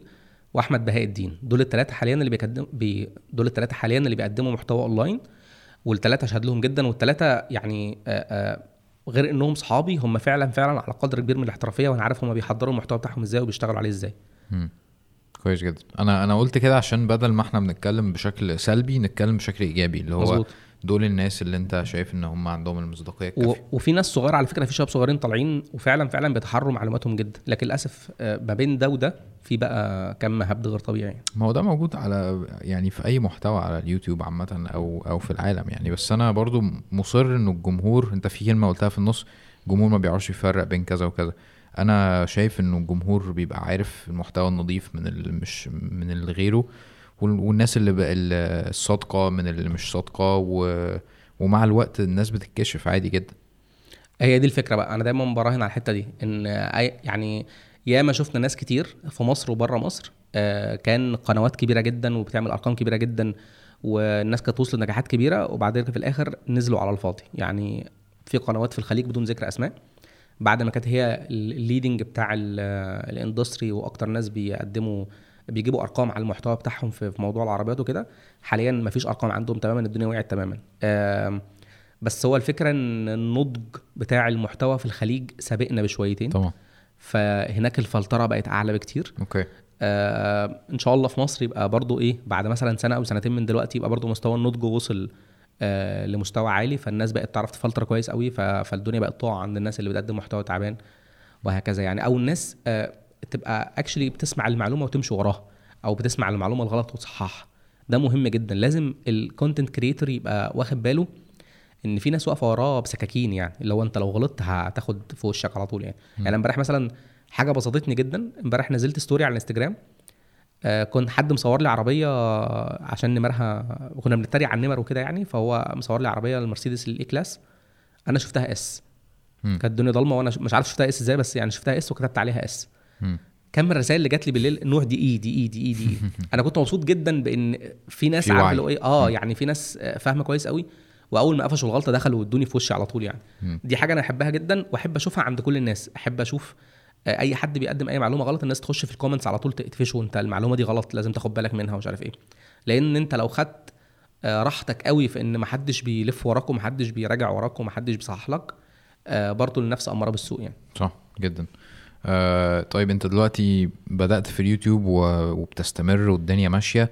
آه العدة اللي كانت معاك في الأول آه كانت عاملة إزاي؟ آه بناء أو up to now يعني مقارنة بزمان ودلوقتي. أنا قعدت أول سنة بصور ب GoPro 4 Silver أنا قلت Silver صح؟ Silver. آه. أتمنى ما تقولش ده في الفيديوهات بتاعتك. آه، دي قعدت أصور بيها أول آه، أول سنة بالكامل. آه، جوه العربية وبره العربية و shots وبص كل حاجة. وكنت جايب لها adapter كده آه، بيتوصل مايك عليها وكنت جايب مايك كده 150 جنيه بويا. بسجل بيه لازلت بسجل بنفس المايك بس يعني اشتريت منه بقى كتير بعد كده وبقيت شغال بيه يعني. على قد ما هو رخيص على قد ما هو بيقدم quality حلو قوي nice ولو اتسرق مش آه، مشكلة. آه بالظبط. أنا عايز أقول لك بقى إيه اللي هو اتدهس مثلا آه. لا هو بقى بيتقطع مني كتير. يعني أنا دايما معايا في شنطة تصوير في ثلاث مايكات اللي شغال بيه واثنين كمان spare nice تقفل حصل- باب على آه، واحد. بتاع. وبعدين المايكات ال wireless للأسف في تصوير العربيات آه، مش نافعة وأنا ماشي على الطريق مثلا 80 100 آه، بيحصل آه، تشويش شوية في ال في ال signal بتاعة المايك وبتاع فرجعت أشتغل wire تاني جربت ال wireless ما ظبطش معايا خالص فبقيت أشتغل wire دايما يعني. shotgun مش نافع معاك؟ آه لا خالص بيجيب noise رهيبة جوه العربية. آه لازم حاجة lavalier تكون قريبة. خالص من رقبتي. وأبقى معلي صوتي جوه العربية آه وتكون wired wireless ما بتظبطش خالص يعني. آه للأسف إن إن يعني المجهود بيبقى كتير قوي في التصوير فما بقاش عندي ساعات ابدا أرجع البيت ألاقي بقى حتة فيها تشويش حتة. واقعه حتة الصوت فصل فما ما ما, ما بغامرش يعني. آه خاصة إن أنا يعني أنا لبست في عربية كتير قوي اتصورت واتركنت بسبب انها طلع فيها صوت بايظ أو كده. يا. آه عارف حاسس بيك. جدا جدا وش. آه، مأساة. وبعدين أنت بتقعد تلات أيام تصور مثلا صح؟ أنا تقريبا آه العربية بتاخد 3 4 أيام تصوير. آه طبعا متفرقين بقى ف يعني ممكن العربية مثلا تاخد أسبوع أسبوعين تصوير على ما أخلصها. يا. آه طيب وبعدين العدة عاملة إزاي دلوقتي؟ وبعد كده طلعت من ال الفور سيلفر ل 80 دي مم. كنت بصور بال kit lens بتاعتها 18 آه، 35 بتهيألي 55 55 آه. آه، بس وبعد كده 10 18 على ال 80 دي وبعد كده ال 50 آه، الأول كان ال 50 اللي هي ال 2 وبعد كده ال 50 ال STM وبعد كده السيجما 18 35 مم. آه،. بس ال Art آه. دي اللي معاك دلوقتي؟ آه دي اللي بشتغل بيها دلوقتي. nice. آه بس وبعدين بقى التطور التاني كان بيحصل في ال sliders وال وال tripods. آه الصوت ما هو نفس المايك اللي بدأت بيه هو اللي كملت بيه. ال GoPros بقى اتغيرت كتير. آه GoPro 4 آه GoPro 6 وبعدين 6 تاني وبعد كده 7 بعد كده 7 7 7 7 أنا بكسر GoPros كتير قوي بيقعوا وأنت ماشي مثلا آه، وبتاع كل حاجة بقى أنا صح؟ م- مكسر خمس GoPro هات لغاية دلوقتي يا نهار حاجة كده أبيض. يعني عندي مقبرة كده في البيت بال GoPros. nice أنت كل ده لوحدك صح؟ آه لوحدي إيه إزاي شغال لوحدك آه أنا بصور لوحدي وبمنتج لوحدي لغاية مؤ- مؤخرا بقى بقيت مع- معايا حد مونتير آه لكن لغاية مثلا من ست شهور كنت أنا شغال لوحدي تماما. حاسس بيك جدا آه. وإحنا اللي بنقوم ن restart الكاميرات أنا وهو. ولما بيجي ضيف فاهم شوية في الكاميرات بقول له قوم شغل مش عارف إيه وبتاع ف هاشتاج أنا ما كنتش بحب التصوير خالص أصلا يعني خالص. أنا أنا اتعلمته عشان ما كانش معايا budget أجيب حد يصور. مم.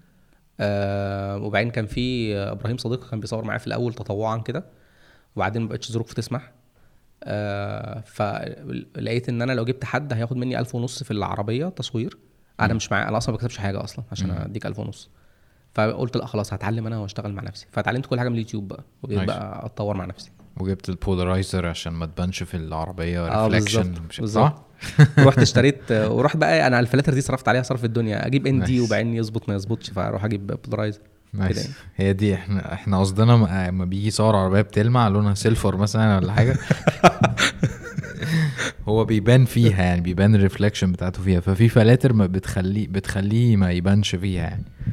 فمعاناة الصراحة. طب انت ال- بدأت تعمل فلوس أو الحوار ي sustain نفسه من إمتى؟ هو أنا بدأت اعمل فلوس بعد ما عملت اوتوفندي بسنة ونص.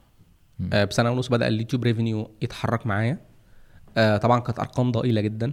آه بس قلت لا يعني وش آه، قشطة. يعني الأول كنت بصرف عليه. هو ابتدى ها يشيل نفسه نوعا ما. كويس.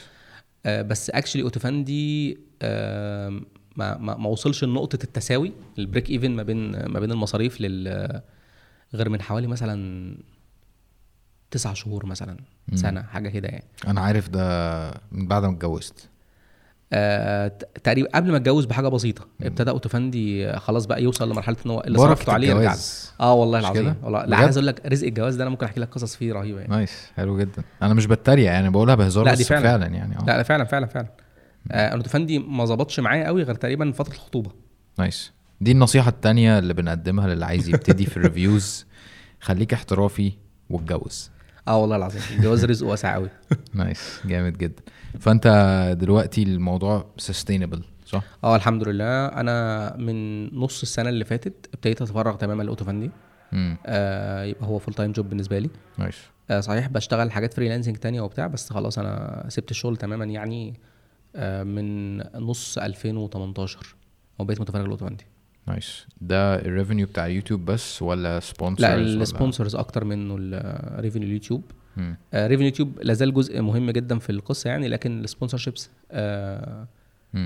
لازالت برضه هي شايلة جزء كبير يعني. okay رحلة ال sponsorships دي بدأت إزاي؟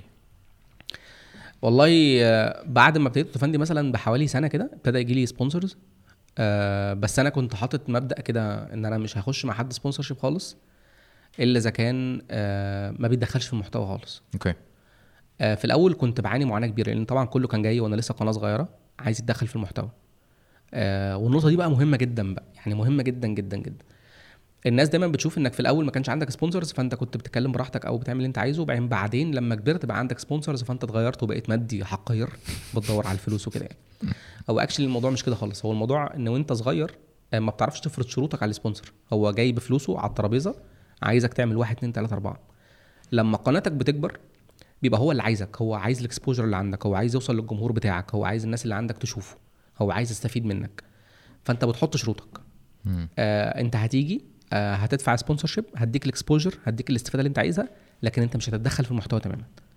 آه مثلا أنا مؤخرا أو يعني الفترة اللي فاتت كان عندي سلسلة بتاعت ترشيحات عربيات كنا عاملينها مع الليسي بتاع موزع سيارات. ده sponsor عندك أنت مش عندي ما تقولش اسمه. آه، فالناس كانت في ناس كانت بتنتقد الحتة دي اللي هو انت إزاي تشتغل مع موزع سيارات وبتاع. اولا أنا عشان أختار ال- ال sponsor ده إحنا اخترنا واحد موزع سيارات بيشتغل في كل الماركات الموجودة في البلد. أوكي. فبالتالي أي عربية أنا هرشحها أو مش هرشحها هو مش فارق معايا لأنها كده كده موجوده عنده. حلو. العربيات اللي أنا رشحتها كلها موجوده عنده العربيات اللي أنا ما رشحتهاش كلها برضه موجوده عنده. مم. فهو مش فارق معاه قوي وبالتالي مش هتدخل في المحتوى. القصة بقى إن ده كان خامس موزع سيارات نقعد معاه. الناس بتشوف اللي بيطلع بس الناس بتشوف ان إن ده جالك يعني قصدك الأربعة دول ما عملتش معاهم؟ ما, ما اشتغلناش مع بعض. الناس بتشوف بقى اللي هو طلع في الآخر إيه؟ إن أنت عندك سبونسر معين فيبقى أنت كده بعت القضية يعني. خالص. في أربعة قبلي آه ومنهم ناس كانوا هيدفعوا فلوس أكتر بكتير. آه ما اشتغلناش مع بعض لأن هم كانوا فارضين شروط معينة وأنا كنت رافض الشروط دي تماما. أنا مش هشتغل كده. أنتوا مش هتدخلوا في المحتوى. آه لغاية أما وصلنا للناس دي والناس دي كانت محترمة جدا ومتقبلة جدا فكرة إحنا مالناش علاقة بالمحتوى إحنا عايزين نظهر بس عندك. آه هي دي الفكرة. انت لما بتكبر توصل لمرحلة معينة انت هي هي نفس المصداقية مش معنى داخل عندك sponsor إن انت خسرت مصداقيتك بالعكس انت بس وصلت لمرحلة ما انك بتحط شروطك. مم. انك عارف آه، تقدم المحتوى بالشكل اللي انت عايزه وفي نفس الوقت هو شايف عندك الحاجة اللي هو ممكن يستفيد بيها بدون ما يتدخل في المحتوى. okay. هل فعلا الليسي انت ما كنتش بت أنا كنت بشوف ال- ال reviews دي بتاعت ال... إن انت تجيب price range وبتقول كل العربيات اللي فيه. أنا كنت بحس إن في عربيات موجودة ما انت أنت ما بتقولهاش. ف- عشان أنا عندي أسباب إن أنا ما أقولهاش. يعني okay. كنت حتى جيت في آخر كام فيديو بقى من الفيديوهات بقيت أقول بقى يعني بدأت أضيف الحتة دي في الفيديو إن أنا أقول إيه العربيات في الفيديو اللي فات اللي كان عليها جدل كبير أنا ليه ما ليه ما رشحتهاش؟ okay. فابتدت الناس تهدى اللي هو إيه آه لأ ده طلع عنده وجهة نظر فعلا. يعني مثلا ما رشحش العربية الفلانية كورولا مثلا ليه؟ عشان أنا مش شايف إن هي value for money كويسة في الفئه السعرية دي. مم. آه، واشرح بقى أسبابي فتلاقي الناس هديت شوية. كانت مشكلتي في الأول في أول فيديوهين ثلاثة إن أنا كنت شايف إن ده هياخد من وقت الفيديو كتير قوي إن أنا أقعد أقول كل عربية ما رشحتهاش ليه؟ فمالوش لازمة يتحط. بس لما لقيت إن ده بيريح الناس نفسيا وي- ويحسن إن فعلا في مصداقية ابتديت أحطه في آخر كام فيديو بقى. أنا ليه ما رشحش. دي؟ أنا شايف الموضوع ده إيجابي جدا. فكرة إن الناس. تشك أو بعض الناس تشك فأنت تقول الأسباب أو تطلع تقول أو تشرح زي ما أنت شرحت. بيزود ال- المصداقية بتاعتك أكتر وبيدعم قصتك أكتر عارف؟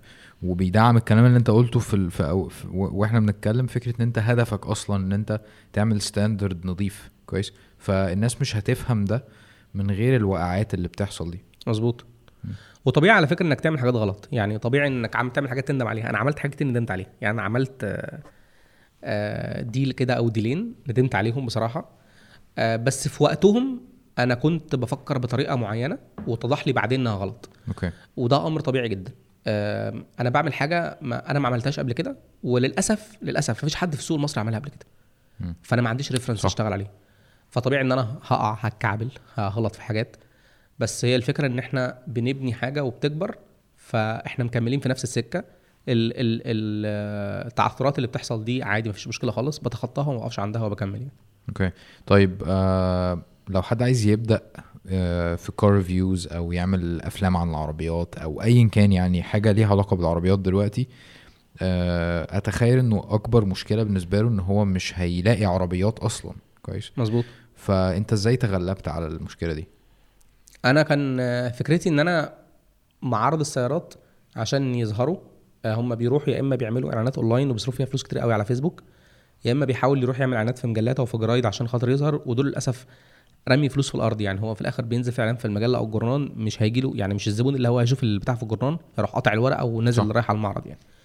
فكنت شايف إن أنا آه، آه، لو حد وفر لي العربيات أنا أقدر اديله الظهور ده. بدل ما أنت بتعمل إعلان على فيسبوك يشوفوا 20 30 ألف واحد بتدفع فيه مبلغ معين أنا آخد منك عربية already موجودة عندك آه، عربية مستعملة مش جديدة. أنا عندي تحفظ كبير على موضوع الناس ساعات بتاخد عربيات زيرو من المعارض تجربها. مم. آم، آه، بس انت بتاخد زيرو دلوقتي ولا ما بتاخدش زيرو لا ما خالص؟ بشتغلش في عربيه زيرو. أوكي. إحنا يا اما عربية بتاعة test drive media في بتاعة الشركات. مم. دي عربية معمولة لل test drives بس. آه، وهتتباع مستعملة بعد ما تخلص آه، رح- رحلتها في ال test drive الله يعينها على الصحفيين يعني. آه، يا اما عربية بتاعت حد جايبها لي. آه، يا اما عربية من معرض مستعملة. okay. آه، معلق نمر وماشي عاملة كيلوهات. ليه؟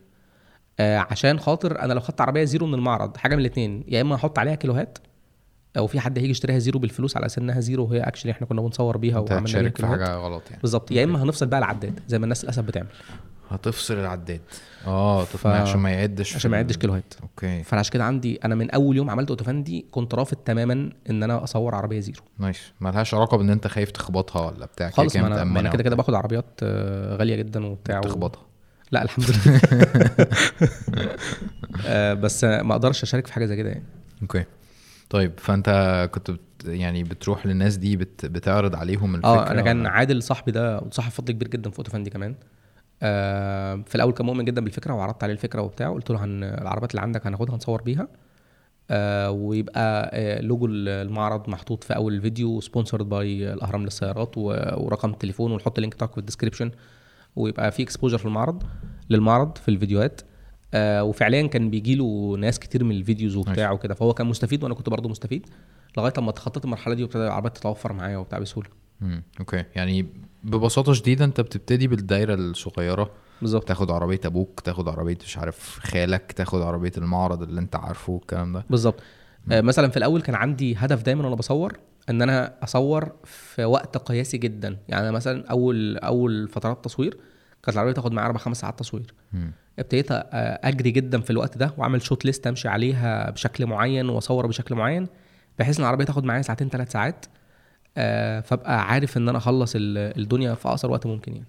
آه بس فأنت حاول تشوف آه معرض تعرف توصل له آه تتعامل معاه تبقى بتدي له ظهور عندك في الفيديوهات وفي نفس الوقت هو بيديك العربيات. آه وحاول بقى تشوف عربيات الناس اللي حواليك وكلام من ده. بس مهم جدا تكون بتذاكر كويس قوي اللي بتعمله. تكون بتجرب عربيات كتير فبالتالي يبقى عندك ريفرنس للفئة اللي انت بتجرب فيها دي. تحاول تبعد عن العربيات اللي من فئات انت ما جربتش منها عربيات كتير. آه وتحاول لو انت أصلا ما عندكش ال- ال- المرجعية بتاعه الفئة اللي انت بتجرب فيها دي إنك ما تخلوش review خليه فيديو انطباعات تتكلم عن العربية انطباعك عنها إيه شايف إيه مش شايف إيه لكن ما تقولش عنه review okay. عشان ما تبقاش مش بتقيم العربية في وسط المنافسين أنت مجرد بتقول انطباعاتك عنها. مم. عشان أنت لما بتقول على نفسك reviewer أنت بتعلي من فكرة إن الناس ت... بالظبط. تطرقع لك يعني لأن أنت بت... بت... بتدعي إن أنت authority إن أنت حاجة كويس فده بي... بيزود إن الناس ت- تنتقد. بالظبط. يعني مثلا أنا أنا ما جربتش ال super cars مم. آه، قبل كده خالص. فبالتالي ما أقدرش بكره أروح اخد عربيه استون مارتن مثلا أقول لك review عنها لأن أنا ما جربتش أصلا منافسينها ما أعرفش عنها إيه. مم. واحد زي احمد عمار يقدر يعمل كده لأن هو جرب super cars كتير جدا جدا. فبالتالي عنده المرجعية دي. فهي دي النقطة. آه إحنا مش مجرد بقول لك كده عشان بنظر عليك أنا بقول لك كده الحاجة اللي أنا حتى شخصيا أنا بعملها. nice. أنا بستغرب بلاقي ال... ال... الاعلانات بتاعت أستون مارتن طالعة لي على الفيسبوك. فأنا مش عارف هم ليه بي... بي... ليه بيعلنوا عندي. ما انت غني بقى يوتيوبر. مش عارف. حلو جدا. طيب آم، الأزمة بتاعت العربيات والمش عارف وسيبها تصدي والليلة دي كلها آه، أنا يعني تابعتها مع أول ما بدأت شوية وبعد كده فكيتها ومش عارف إيه وبتاع. فهي واصلة لإيه دلوقتي؟ إيه اللي حاصل حتى الآن؟ آه هي واصلة لإيه؟ هي مش يعني هي مكملة. آه مش عارفين مكمله لغاية إمتى أو يعني الهدف تحديدا اللي محطوط دلوقتي مش متابع بصراحة يعني بس هي الحملة مكملة زي ما هي. أنت مش مشارك فيها يعني ما لا خالص لا. ليه؟ آه بص اولا في الأسباب تعددت على على مدار الوقت يعني. أول فترة خالص آه، كنت شايف إن دي حاجة الناس عاملاها قوي عشان تطالب بحاجات وكلام من ده آه، وأي ظهور ليا فيها هيبقى ركوب على الترند اللي هو إيه آه، إيه ده أنتوا رايحين آه، تجيبوا حقكم؟ آه أنا معاكم أنا معاكم وأنا مشهور وهعمل لكم شغل وبتاع وأنا كده يعني معاكم. فكنت شايف إن لا ما ينفعش أصلا أظهر في في حاجة زي كده. دي حاجة شعبية جدا والناس عاملاها وهي حمله الناس عاملاها وبتاع. فأي ظهور ليا فيها أنا ده من الآخر داخل ألم followers في وسط في وسط الزحمة وفي وسط الهيصة دي يعني. okay. آه، فما كنتش شايف إن كده خالص. وما كنتش شايف أصلا إن في دور ممكن أعمله. أنا يعني إحنا بنحاول نوعي الناس already في ال videos.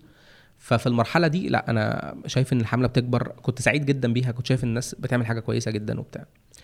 شوية بشوية آه، كان في دعوات كده إن أنا أدخل الحملة وبتاع فدخلت أشوف ال post بتاعت الدعوات دي فلقيت كم شتيمه وهجوم غريب عليا في الفي في ال post ال- بتاعه ال- الدعوه إن أنا أشارك في الحملة. مش فاهم الحوار ده ده بيشتغل مع الشركات ده في حد في حد كتب من ضمن الحاجات ده شغال sales في معرض. فما كنتش فاهم القصة قوي وبعدين ده أكد لي أكتر وجهة نظر إن أنا لأ ما ينفعش أظهر في الحاجات دي لأن هي مش محتاجة حد صحفي أو حد بيعمل videos أو كده يعني دلوقتي هي مجرد حركة ما وكده يعني. وبعدين بقى السبب تغير خالص بعد كده إن أنا بقيت أشوف كم محتوى مضلل موجود في في الجروب بتاع الحملة غير طبيعي سواء في في مقارنة الأسعار سواء في الكلام عن العربيات نفسها سواء في الكلام عن الفرق بين العربيات في مصر والعربيات بره مصر ودي حاجة كانت مزعلاني جدا. أنا كنت شايف إن الحملة دي حاجة كبيرة جدا وعظيمة وبتدعو لهدف سامي جدا ومفروض هتوصل لحاجة كويسة. بس أنت عمرك ما توصل للحاجه الكويسه دي لو أنت أصلا already باني ال- ال- ال case بتاعتك على كلام مش صحيح يعني. آه أنا بدل ما أنا بحاول أسخن الناس ب posts وبحاجات آه غير صحيحة أنا محتاج أوعي الناس وأفهمهم وأعلمهم كويس قوي. عشان كل واحد موجود في الحملة دي لما يطلع يتكلم عن الحملة بره أو لما يطلع ينشر الفكرة ده بره يبقى واعي جدا وفاهم جدا وما يتغلبش ابدا في أي قعدة ولا في أي كلام ولا في أي آه، آه، مناقشة وكده يعني. آه، وللأسف ده ما كانش بيحصل. أنا كنت شايف إن في محتوى كتير جدا مضلل وعندي مشاكل كبيرة جدا معاه وكان عندي مشاكل كبيرة جدا في المحتوى. وحتى لما السادة الأفاضل بتوع الحملة كانوا بيتواصلوا معايا يعني بعضهم طبعا يعني. كنت بقول له بشكل مباشر أنا أنا عندي كونسيرن كبير جدا على الكلام اللي بيت- بيتكتب. يا جماعة ما ينفعش كده لازم يكون المعلومات صحيحة. وكان ساعتها كلامي بيتقال إن الحمله كبيرة قوي والأعضاء كتير قوي فمش هينفع نجري ورا كل واحد وكده. فاللي هو ده ده ده, عذر أقبح من ذنبي. يعني اللي هو ما ينفعش عشان خاطر الناس كتير فأنا أفتح الباب فأسيب كل. حد يقول اللي هو عايزه. بالعكس أنا محتاج عشان العدد كبير آه، وعشان التأثير بتاع الحملة كبير محتاج أحجم. الدنيا وأتحكم في المحتوى أكتر. مش مش هسيب الدنيا مفتوحة على البحر كده يعني. وبعدين بقى الموضوع للأسف بقى تحول لمرحلة تانية خالص من مرحلة بقى الشتيمة والسباب و والتعدي على الناس والتعدي على صحفيين السيارات والشتيمة في ال YouTubers بتوع العربيات كلهم عموما. وحاجات بقى كلام غريب بقى وخدامين الشركات ومش عارف إيه و... فاللي هو لا لا لا, لا ما. فاكس بقى. لا مش هي مش هينفع كده خالص يعني. وكان أي انتقاد الناس بتقدمه للحملة وأي انتقاد أنا شخصيا كنت بحاول أقدمه بشكل في, في القنوات المغلقة يعني الحملة. كان بيواجه بردود غريبة جدا فخلاص طالما هي الانتقادات ال- اللي إحنا بنحاول نقدمها دي مش مقبولة خالص و- والموضوع ماشي في سكة قلة قيمة يعني فخلاص بقى بس دي كانت انتقادات آه، يعني عشان تعدل حاجة في الحملة يعني حاجات عشان feedback المحتوى يعني؟ عشان بالظبط عشان المحتوى بتاع الحملة محتاج يتظبط الحملة محتاج يبقى ليها اهداف واضحه جدا الحملة محتاجه تبقى رايحة في سكة معينة آه انما قصة إحنا ماشيين لما شاء الله دي ما, ما هنروح بيها فين؟ يعني ما إحنا لازم نكون عارفين إيه الهدف عشان نعرف إحنا هنوصل ولا مش هنوصل. انما إحنا ماشيين كده. أنا ما كنتش عارف ان الحملة فيها يعني في منظمين معينين في طبعا. ليها آه okay. بس انت انت انت دلوقتي مش معترض عليها. كحملة أنا شعبية؟ ال- ال concept نفسه مش معترض عليه خالص. أنا okay. معترض على طريقة إدارة الموضوع وتحويله لصراعات شخصية وشتيمة في الناس وحاجه صعبة جدا يعني. هل هي حققت نجاح؟ كانت طبعا كانت أحد الأسباب ال- اللي سببت حركة السوق اللي حصلت دلوقتي. آه، مش السبب الوحيد بس أحد الأسباب يعني. okay. إيه هي حركة السوق قصدك بيها يعني؟ آه، إحنا خلال السنة دي شهدنا تخفيضات كبيرة جدا على العربيات. التنافسية بتاعت العربيات اتغيرت تماما. الموديلات بقت تتحرك كتير. التغيرات في السوق بقت تتحرك كتير. آه، كان في حالة ركود شديدة جدا موجودة في السوق. بناء على الركود ده بقى في stock عند الشركات بناء على ال stock ده. ابتدوا يتحركوا سواء بعروض سواء بتخفيضات سواء بكلام من ده.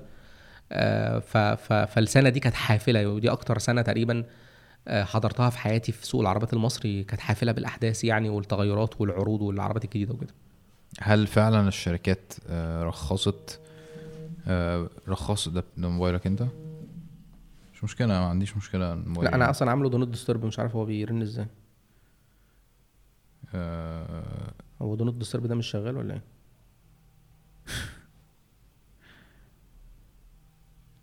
إحنا نخليه flight mode بقى ونريح نفسنا أصلا. مش هينفع flight mode وفي مكالمة. ماشي. هتقفل في وشه.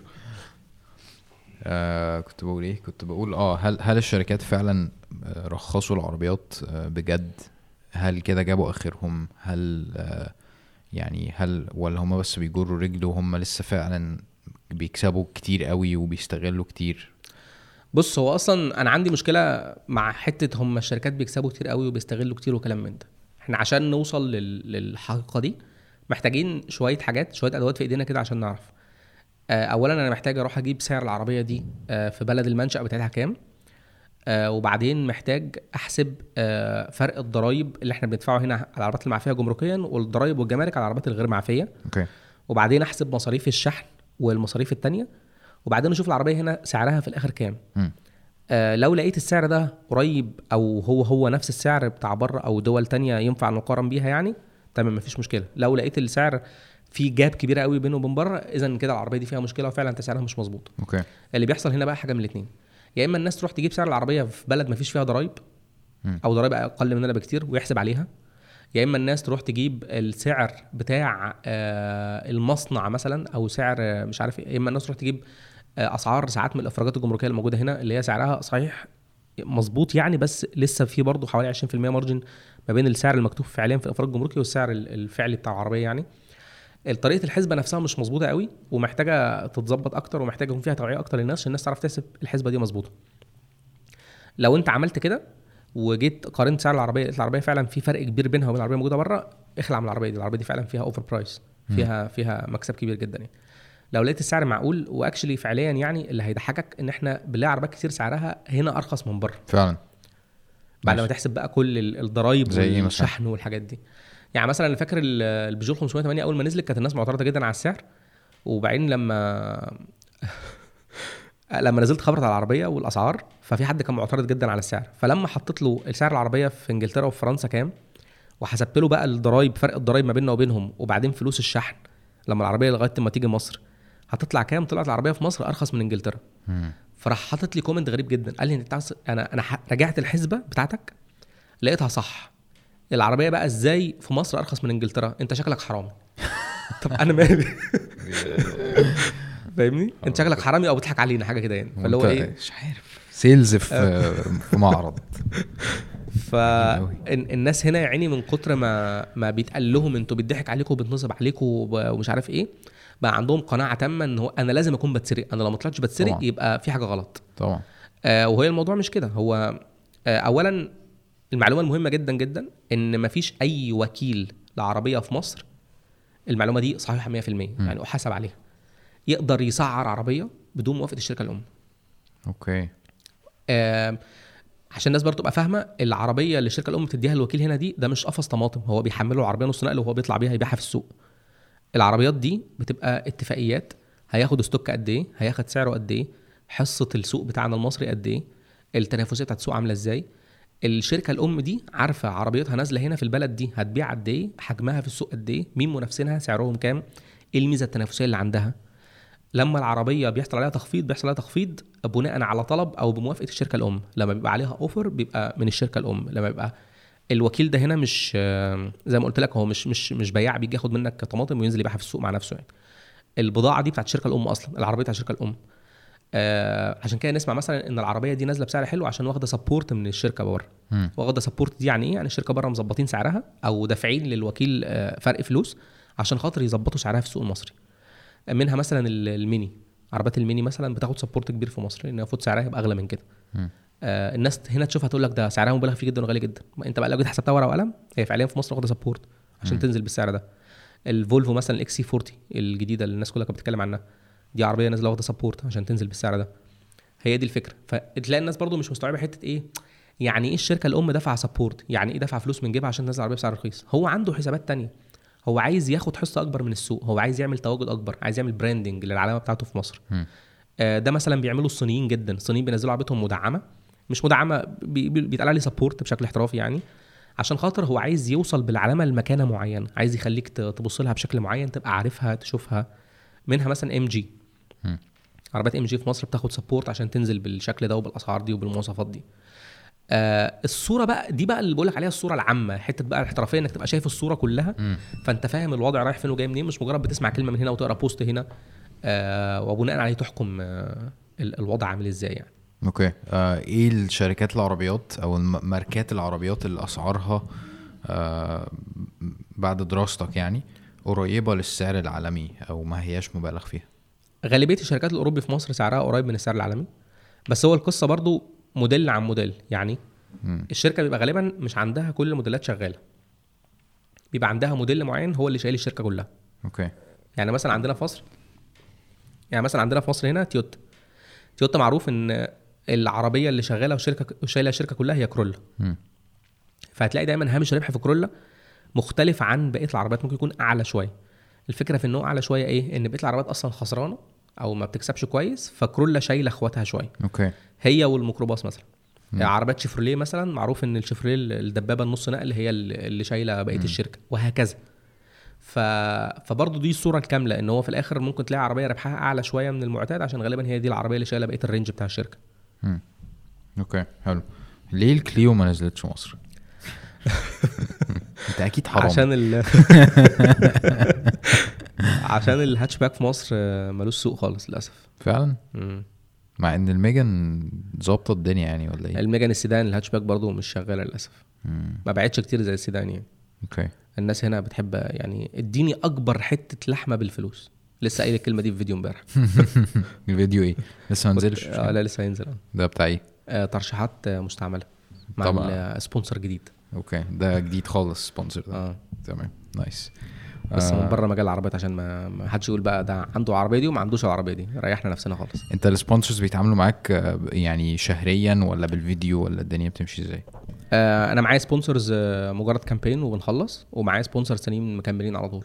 ده بتذكرهم مثلا في كل فيديو مثلا آه دول بيكونوا موجودين في reviews موجودين في سلاسل فيديو تانية كده يعني. دول مكملين معانا وفي sponsors بيبقوا مجرد campaign وبتخلص. أوكي حلو. طيب يعني الحملة دي آه اللي حاصل فيها إنه الدنيا اتحركت شوية. أنت شايف إنه لسه في أكتر صح؟ يعني لسه الشركات ممكن تستجيب أكتر؟ آه هي الشركات وبرضه عايز أقول الشركات مش بتستجيب للحملة الشركات بتستجيب للتنافسية أكتر.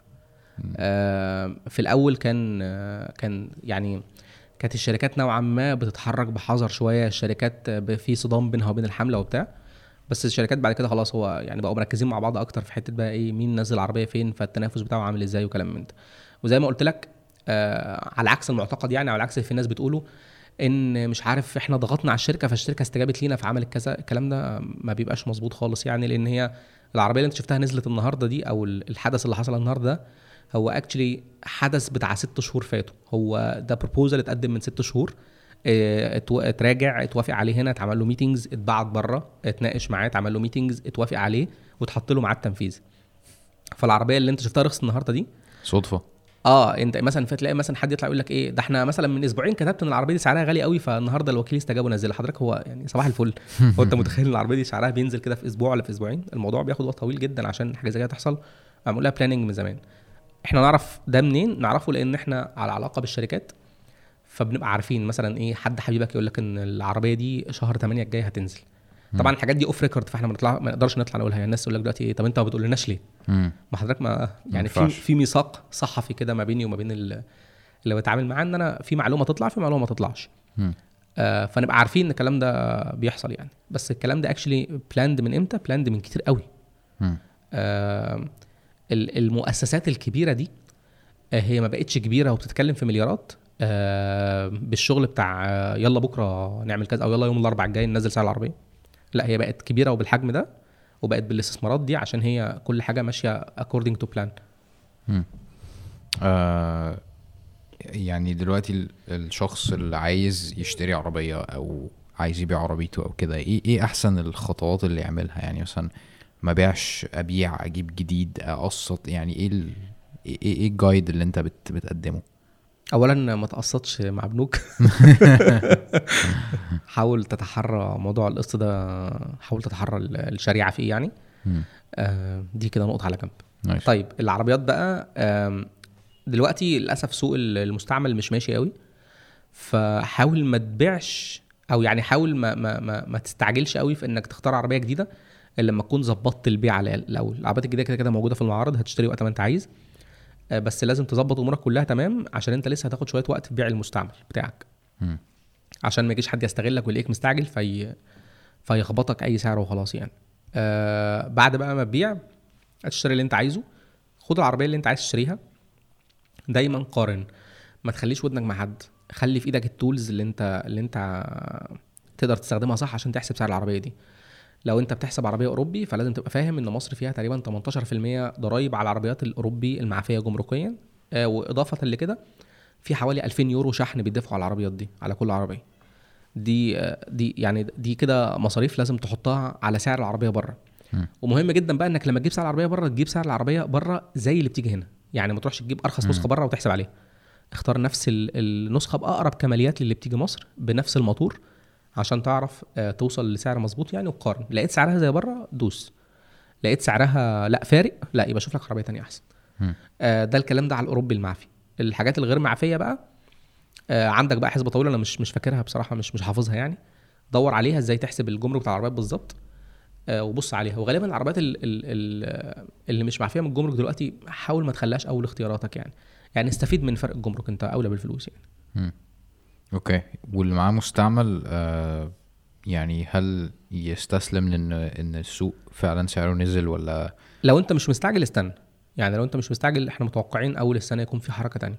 إيه إيه هي الحركة دي؟ المفروض إن إحنا أول السنة هيبقى فيه آخر آه، تخفيض جمركي للعربيات اللي جاية من تركيا. آه لأن تركيا مش اتحاد أوروبي ف اللي هي الرينو والحاجات دي ولا اللي هي اللي في الرينو ميجان وفي التويوتا كرولا وفي الفيات تيبو. دول اللي أنا فاكرهم دلوقتي دول بيجوا من أو الهوندا سيفيك دول بيجوا من تركيا. آه فمتوقع إن العربيات دي يبقى في حركة في سعرها مش تبقى حركة كبيرة يعني برضه عشان الناس ما أحد أحد المشاكل اللي كانت بتحصل مؤخرا يعني إن الناس كانت بتحط لها طموح رهيب يعني. صح. لو العربية دي هيتشال عليها الجمرك فهو متخيل مثلا إن هي ب 400 هيروح يجيبها بكرة ب 200 مثلا. ما, ما, فيش الكلام ده هي الحركة ضئيلة جدا يعني بتتكلم في range 10000 جنيه مثلا ولا حاجة. okay. آه لأن هو already إحنا في شرايح تانية اتشالت يعني إحنا مش بنشيل الجمرك النهارده 100% إحنا already أصلا شلنا 80% مثلا من الجمرك وفاضل 20% مم. فانت actually كده بتشوف آخر شريحة من التخفيض. بس إحنا المرة دي بنتكلم عنه كتير عشان خلاص دي آخر شريحة. هتبقى عربيات معفية بعد كده. لكن okay. مش معنى إنها معفية دي إن هي كان عليها جمرك وفجأة اتشال يعني. يعني العربيات ال- الأوروبي بس هي اللي هينزل عليها الإعفاء الكامل. العربيات الأوروبي خلاص اتعفت. اتعافت آه خالص ال- الواحد 2021 واحد 2020 آسف العربيات التركي هيبقى عليها إعفاء كامل. تركي متقفلة في تركيا. اللي هي معمولة في تركيا آه. أوكي. آه اللي هي الكاتجور وال مش عارف صح؟ آه لا الميجان والتويوتا كرولا والهوندا سيفيك والفيات تيبو. هو الداسيا دي كانت ما كانتش تركي صح؟ داسيا روماني. آه روماني صح. okay. آه طيب. بس اللي أنا اللي أنا فاهمه من كلامك كده إنه يعني طب أنا هستنى ليه؟ يعني الدنيا ما هياش آه الفرق مش هيبقى كبير للدرجة دي هو الفرق مش كبير بس برضه الوقت مش كبير أنت بتتكلم في شهر. okay هو المعرض مش هيتعمل؟ بتاع أوتوماك آه لا للأسف السنة دي اتلغى. على حد علمنا يعني إن هو السنة دي كده خلاص اتلغى. آه بس ممكن يتعمل. يعني ممكن تعمل آخر 12 بس هو الموضوع مش مستقر خالص يعني. بس ال- المعلومة اللي أنا عارفها عن نفسي إن المعرض اتلغى السنة دي ليه؟ إن إحنا هنشوفه السنة الجاية. آه والله الشركات كانت شايفة إن في ركود كبير السنة دي في المبيعات فبالتالي ما فيش داعي ابدا إن أنا أخش أصرف مبلغ كبير في المعرض. أنا already عملت كل ال offers اللي عندي طول السنة فهخش المعرض أعمل إيه؟ ما أنا لازم عشان أخش المعرض أعمل offers. فأنا already عملت offers أصلا. already عامل offers دلوقتي. فهخش المعرض أعمل إيه؟ هصرف لي مبلغ كبير جدا. آه وأنا أصلا عندي حالة ركود وما بعتش السنة دي كويس وخسران. آه وكده كده عندي ال offers فهخش المعرض أعمل إيه. فغير إن في شركات تانية انسحبت تماما أصلا إنها مش مش نازلة معرض تاني. آه بس فخلاص الموضوع هو أصلا في اتجاه عالمي آه للخروج من معرض السيارات يعني. الشركات بقت تشوف إن أنا لما أعمل event خاص ليا أو إن أنا أعمل campaign على ال social media ده أرباح لي كتير من المعرض. يا nice أنت بالنسبة لك آه إيه العربيات اللي تستاهل فعلا إن الواحد يشتريها في السوق؟ يعني آه أنا أنا أنا بحط نفسي مكان حد بيشتري دلوقتي. بس طبعا أنا ليا متطلبات خاصة يعني أنت بتقول لي الهاتشباك مفيش أصلا فأنا كده خرجت بره الحوار. أنا أنا بحس إن أنا مفيش أي حاجة بتحركني دلوقتي من اللي موجودة. مفيش حاجة بتحمسني مفيش حاجة فيها روح مفيش يعني كلها بيحاولوا يعملوا حاجات مش عارف كوري. أنت كنت بتراجع ال- الماليبو مثلا. الشيفروليه ما عادش أصلا حقيقي. دي حقيقة ولا لأ؟ آه، ما ما عادش الشخصية الأمريكية اللي هي ما هواش مش أمريكي أصلا يعني هو كوري بس يعني هي دايو مثلا صح؟ آه لا هي هي جنرال موتورز هي developed by جنرال موتورز بالكامل يعني. هي بس بتتصنع في كوريا. آه ودي فكرة بقى ال globalization هو خلاص آه ايا كان العربية أصلا آه متطورة فين أو معمولة فين هي في الآخر بتتصنع في أكتر مكان ممكن يوفر في تصنيعها. okay. بغض النظر بقى عن الكلام ده. آه وللأسف ده فارق مع المصريين أو أو مش بس المصريين فارق مع العرب كمان أو العرب بيهتموا قوي قوي العربية دي متصنعة فين. آه دي جاية منين؟ ده موضوع يفرق معايا جدا يعني. فالماليبو لا الماليبو فيها الشخصية الأمريكية لازالت حتى بكل رخاماتها بتنحتها بال بالحاجات الغريبة اللي هم بيعملوها في العربيات. آه بس آه مش بال quality ال- بتاعت زمان بتاعت العربيات الأمريكي. يعني ال interior شوية في حاجات بلاستيك شكله قديم شويتين. هم متعودين على حاجات شكلها قديم دي بس يعني مش أحسن quality interior في الدنيا. لكن لا زالت محتفظة بال- بال genes ال- الأمريكية بتاعت العربية الكبيرة الواسعة جدا المريحة جدا اللي عاملة زي السفينة على الطريق وكده. cool إيه هي العربيات اللي فيها روح دلوقتي انت شايف؟ آه، فيها روح دي غريبة شوية. يعني غالبا العربيات اللي فيها روح موجودة في السوق عربيات عمرك ما هتشتريها. مم. لأنها financially مش آه، مش اختيار كويس خالص يعني. آه، ما هي دي الحاجات اللي أنا بحبها. أنا بحب بحب أخسر. بحب الغلط. آه، من تحت لفوق كده عندك الفيات 500 X. دي عربية ممتعة جدا جدا وعربية ليها روح فظيعة بصراحة أنت بتحبها دي؟ يعني جدا. ماشي. بس عمري ما انصح حد بيها دلوقتي. بس بتنصح نفسك بيها؟ آه لا خالص ولا أنا أشتريها. خلاص بعرف آه الوقت ال... الوقت بتاع إنك بتشتري حاجة بمزاجك دي ولا خلاص يعني. أنت بتحاول ت...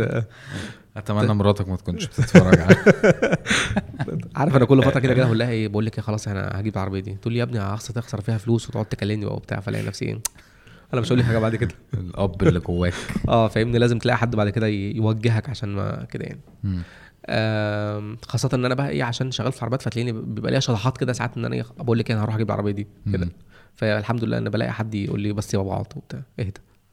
آم، إيه تاني آم، في عندك الهوندا سيفيك بس للأسف برضه سعرها مش مظبوط خالص سعرها عالي جدا مم. بالنسبة للفئة التنافسية بتاعتها يعني عندك طبعا الفولفو اكسي 40 الجديدة حاجة رهيبة.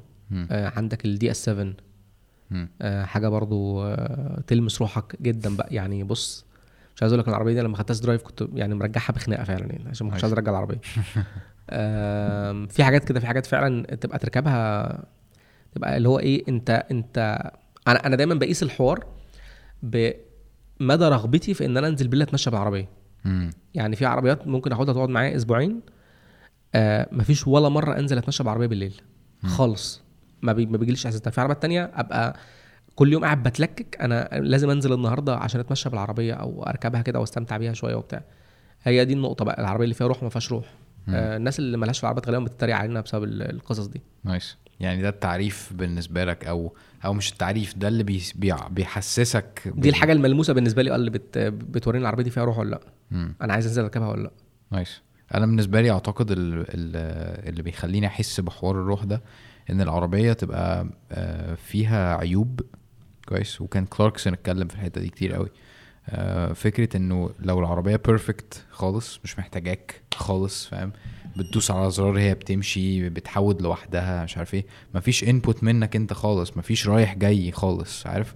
عشان كده بحب ال manual جدا. عشان ال manual انت اللي بتحدد وبتتحرك و... وبتحس بالنقلة وبتحس بالعربية هتحود إزاي ولو دوست بدري والكلام ده كله. ال relationship عارف؟ آه فانت أول ما قلت العربيات فيها عيوب وبتاع هي دي عارف؟ حاجة حاجة غريبة حاجة غريبة إنك م. تجيب عربية معيوبة فاهم؟ بس ده اللي بيخليها بتاعتك عارف؟ مظبوط. ده اللي بيخليك لو ركبت عربيتي مش مش هتعرف تسوقها زي ما أنا بسوقها و... وممكن تبقى ناشفة شوية عليك بس أنا بعرف اخليها احسن والكلام ده كله. ف أنا متحمس جدا بتكلم في الحوارات دي. بص هقول لك حاجة off podcast كده. كان كلاركسون في مرة بيعمل review العربية F 430 Scuderia فراري وكان بيقول لك إن ال mentality بتاعت العربية دي you make mistake I kill you and this is what a Ferrari should be like. nice هي دي الفكرة إن لو غلطت غلطة العربية هت يعني هتقتلك فعلا يعني وهو ده ده الإحساس المفروض يوصلك من أي عربية فراري إنك بتركب بتجري بس أنت لو غلطت هي هت- هتموتك فعلا بالظبط هتقتلك. بالظبط. آه. أنت ليه قلت off podcast ده اون جدا. والله؟ آه مفيش حاجة بتتمنتج على فكرة. آه برضو ال- العربية اللي أنا بحبها اللي هي ال- الألفا. آه. الألفا ميتو وال... والألفا عامة. آه أنا نسيتهم جدا. آه للأسف العربيات دي حظها في مصر وفي العالم كله سيء جدا جدا مم. عشان هي ما هياش هي ممكن بقت reliable شوية مؤخرا بس هي برضو لسه يعني ال reliability اتحسنت بس ما بقتش أحسن حاجة في الدنيا يعني مم. آه، بس للأسف انت أنت بتجيب عربية بتحبها وبتموت فيها وعربية ممتعة جدا جدا وليها personality رهيبة جدا بس في الآخر أنت كاختيار فلوس أنت resale value في الأرض reliability مش حلوة خالص مم. فهو اختيار صعب انت بتجيب عربية عشان مزاج أو عشان قلبك انت بتحبها مش أكتر. أنا ده ده ميولي كله يعني ما بعرفش عشان كده لو بعت عربيتي فع- فعلا ما, ما عنديش أي فكرة إيه اللي موجود في السوق غير مثلا مثلا ال Megane ال hatchback مثلا. حاسس إن دي بتكلمني شوية عارف. يعني لو كان في Clio الجديدة وش عارف. كنت هتنط عليها. هنط straight وقتي عارف. آه غير كده مش عارف ما يعني حاسس فعلا إن السوق آه أنت قلت ركبت الجولف 7 صح؟ آه الكهرباء بس ولا التانية كمان؟ ركبت العادية والكهرباء okay إيه رأيك فيها؟ حلوة جدا بس في الوقت اللي إحنا فيه ده خلاص محتاجة تجديد بقى يعني الجولف خلاص الجولف 8 نزلت المفروض آه لا أنا كان قصدي الجولف 8 مش الجولف 7 الجولف 8 لا ما هي صور بس أصلا لسه ما آه حدش لسه ما نزلتش. okay حلو nice الجولف برضو ما بحسش بحاجة تجاهها يعني ما بحس إن هي برضو إيه ألماني قوي كده عارف هي icon. فانت لازم تحترمها بس انت آه. من جواك مش يعني ما بحب ما بحبهاش. يعني أحب الليون أكتر منها أحس إنها فيها روح عنها آه لكن آه أكيد أنت وش هتحترم الجولف ونفسك فيها وكل حاجة بس هي مش بالنسبة لي أول اختيار لأ. مم. أنا ما بحبش السيات قوي يعني الليون بحس إن هي هو الكلام ده اللي إحنا بنتكلمه ده كلام بقى فاهم عربيات السنين. فممكن ممكن ت skip ه وتتفرجوا على ال post podcast الجاي. آه بس أنا الليون أنا مش عارف أنا ما بحبش السيات بحس إن هي آه، بتاعت الشباب قوي عارف؟ اللي هو الشاب اللي هي- هيعرف هياخدها وي- ويفحر بيها والكلام ده كله فما بتكلمنيش خالص عارف؟ okay. آه. آه بحب العربيات العنيفه دي والله؟ مم. آه عايز أجيب شوية أسئلة من الشباب اللي, اللي سألونا. وطبعا وش شباب؟ إحنا لا، في- في بنت. العربيات ده. في بنت سألت سؤال آه، في بنت سألت سؤال كويس آه، بتقول هل عربيات الكهرباء اللي في مصر أحسن ولا؟ آه ده ده جاوبنا عليه أصلا okay ده جاوبنا عليه. أرخص عربية آه أرخص عربية أوتوماتيك بكام؟ أظن دلوقتي اللادا جرانتا ب 168 أعتقد. دي أرخص عربية أوتوماتيك. مم. zero. هي كويسة العربية دي؟ آه بالنسبة للفلوس؟ أنت أنت بتفكر بقى إيه؟ هرد باوتوفندي الفنان ولا صح؟ آه بالنسبة للفلوس آه ما جربتش الجديدة يعني بس بالنسبة للفلوس معقولة ولو إني أفضل إنك تزود ال budget شوية وتروح لحاجة تانية. زي؟ آه فوقها على طول مثلا ب 190 الشيري اريزو دي حاجة لسه جديدة. مم. دي المفروض إن هي البديل بتاع الفيرنا الجديد. آه أنا لو مكان حد في ال range سعر ده هستثمر الفلوس الأزيد شوية دي وأطلع لها. okay وال resale بتاعها هيبقى حلو. آه العربية أصلا اتباعت جدا من ساعة ما نزلت يعني. هي مجرد بس بتقال إن دي بديله الفيرنا خلاص وش العربية؟ البلد كلها راحت اشتريتها يعني. بدلت الفيرنا بس ما بس هي صيني. آه آه لا أنا قصدي بديلتها ك ك ك segmentation يعني. هي okay. عربية من غبور و... ونازلة في الفئة بتاعت تحت ال 200000 جنيه دي. آه فهي نازلة عشان تاخد ال... ال- الفيرنا خلاص وقفت فهي نازلة عشان تاخد ال- المكان ده. okay. الفيرنا واقفة من زمان بس إحنا ما هي لسه واقفة ال- السنة السنة ال... واقفة بره مصر من زمان. آه لا آه آه. هي أصلا آه، آه، Accent 2000 و... Accent، آه. 2003 حاجة كده. م-م. okay. آه... كنت عايز أكلمك عن ال... يعني أنط نطة كده غريبة عن الجواز. آه... الجواز عامل إيه بعد ال... يعني في في حوار الحوار اللي أنت بتعمله يعني إن أنت بتروح وبتيجي وبتعمل حواراتك دي وكده.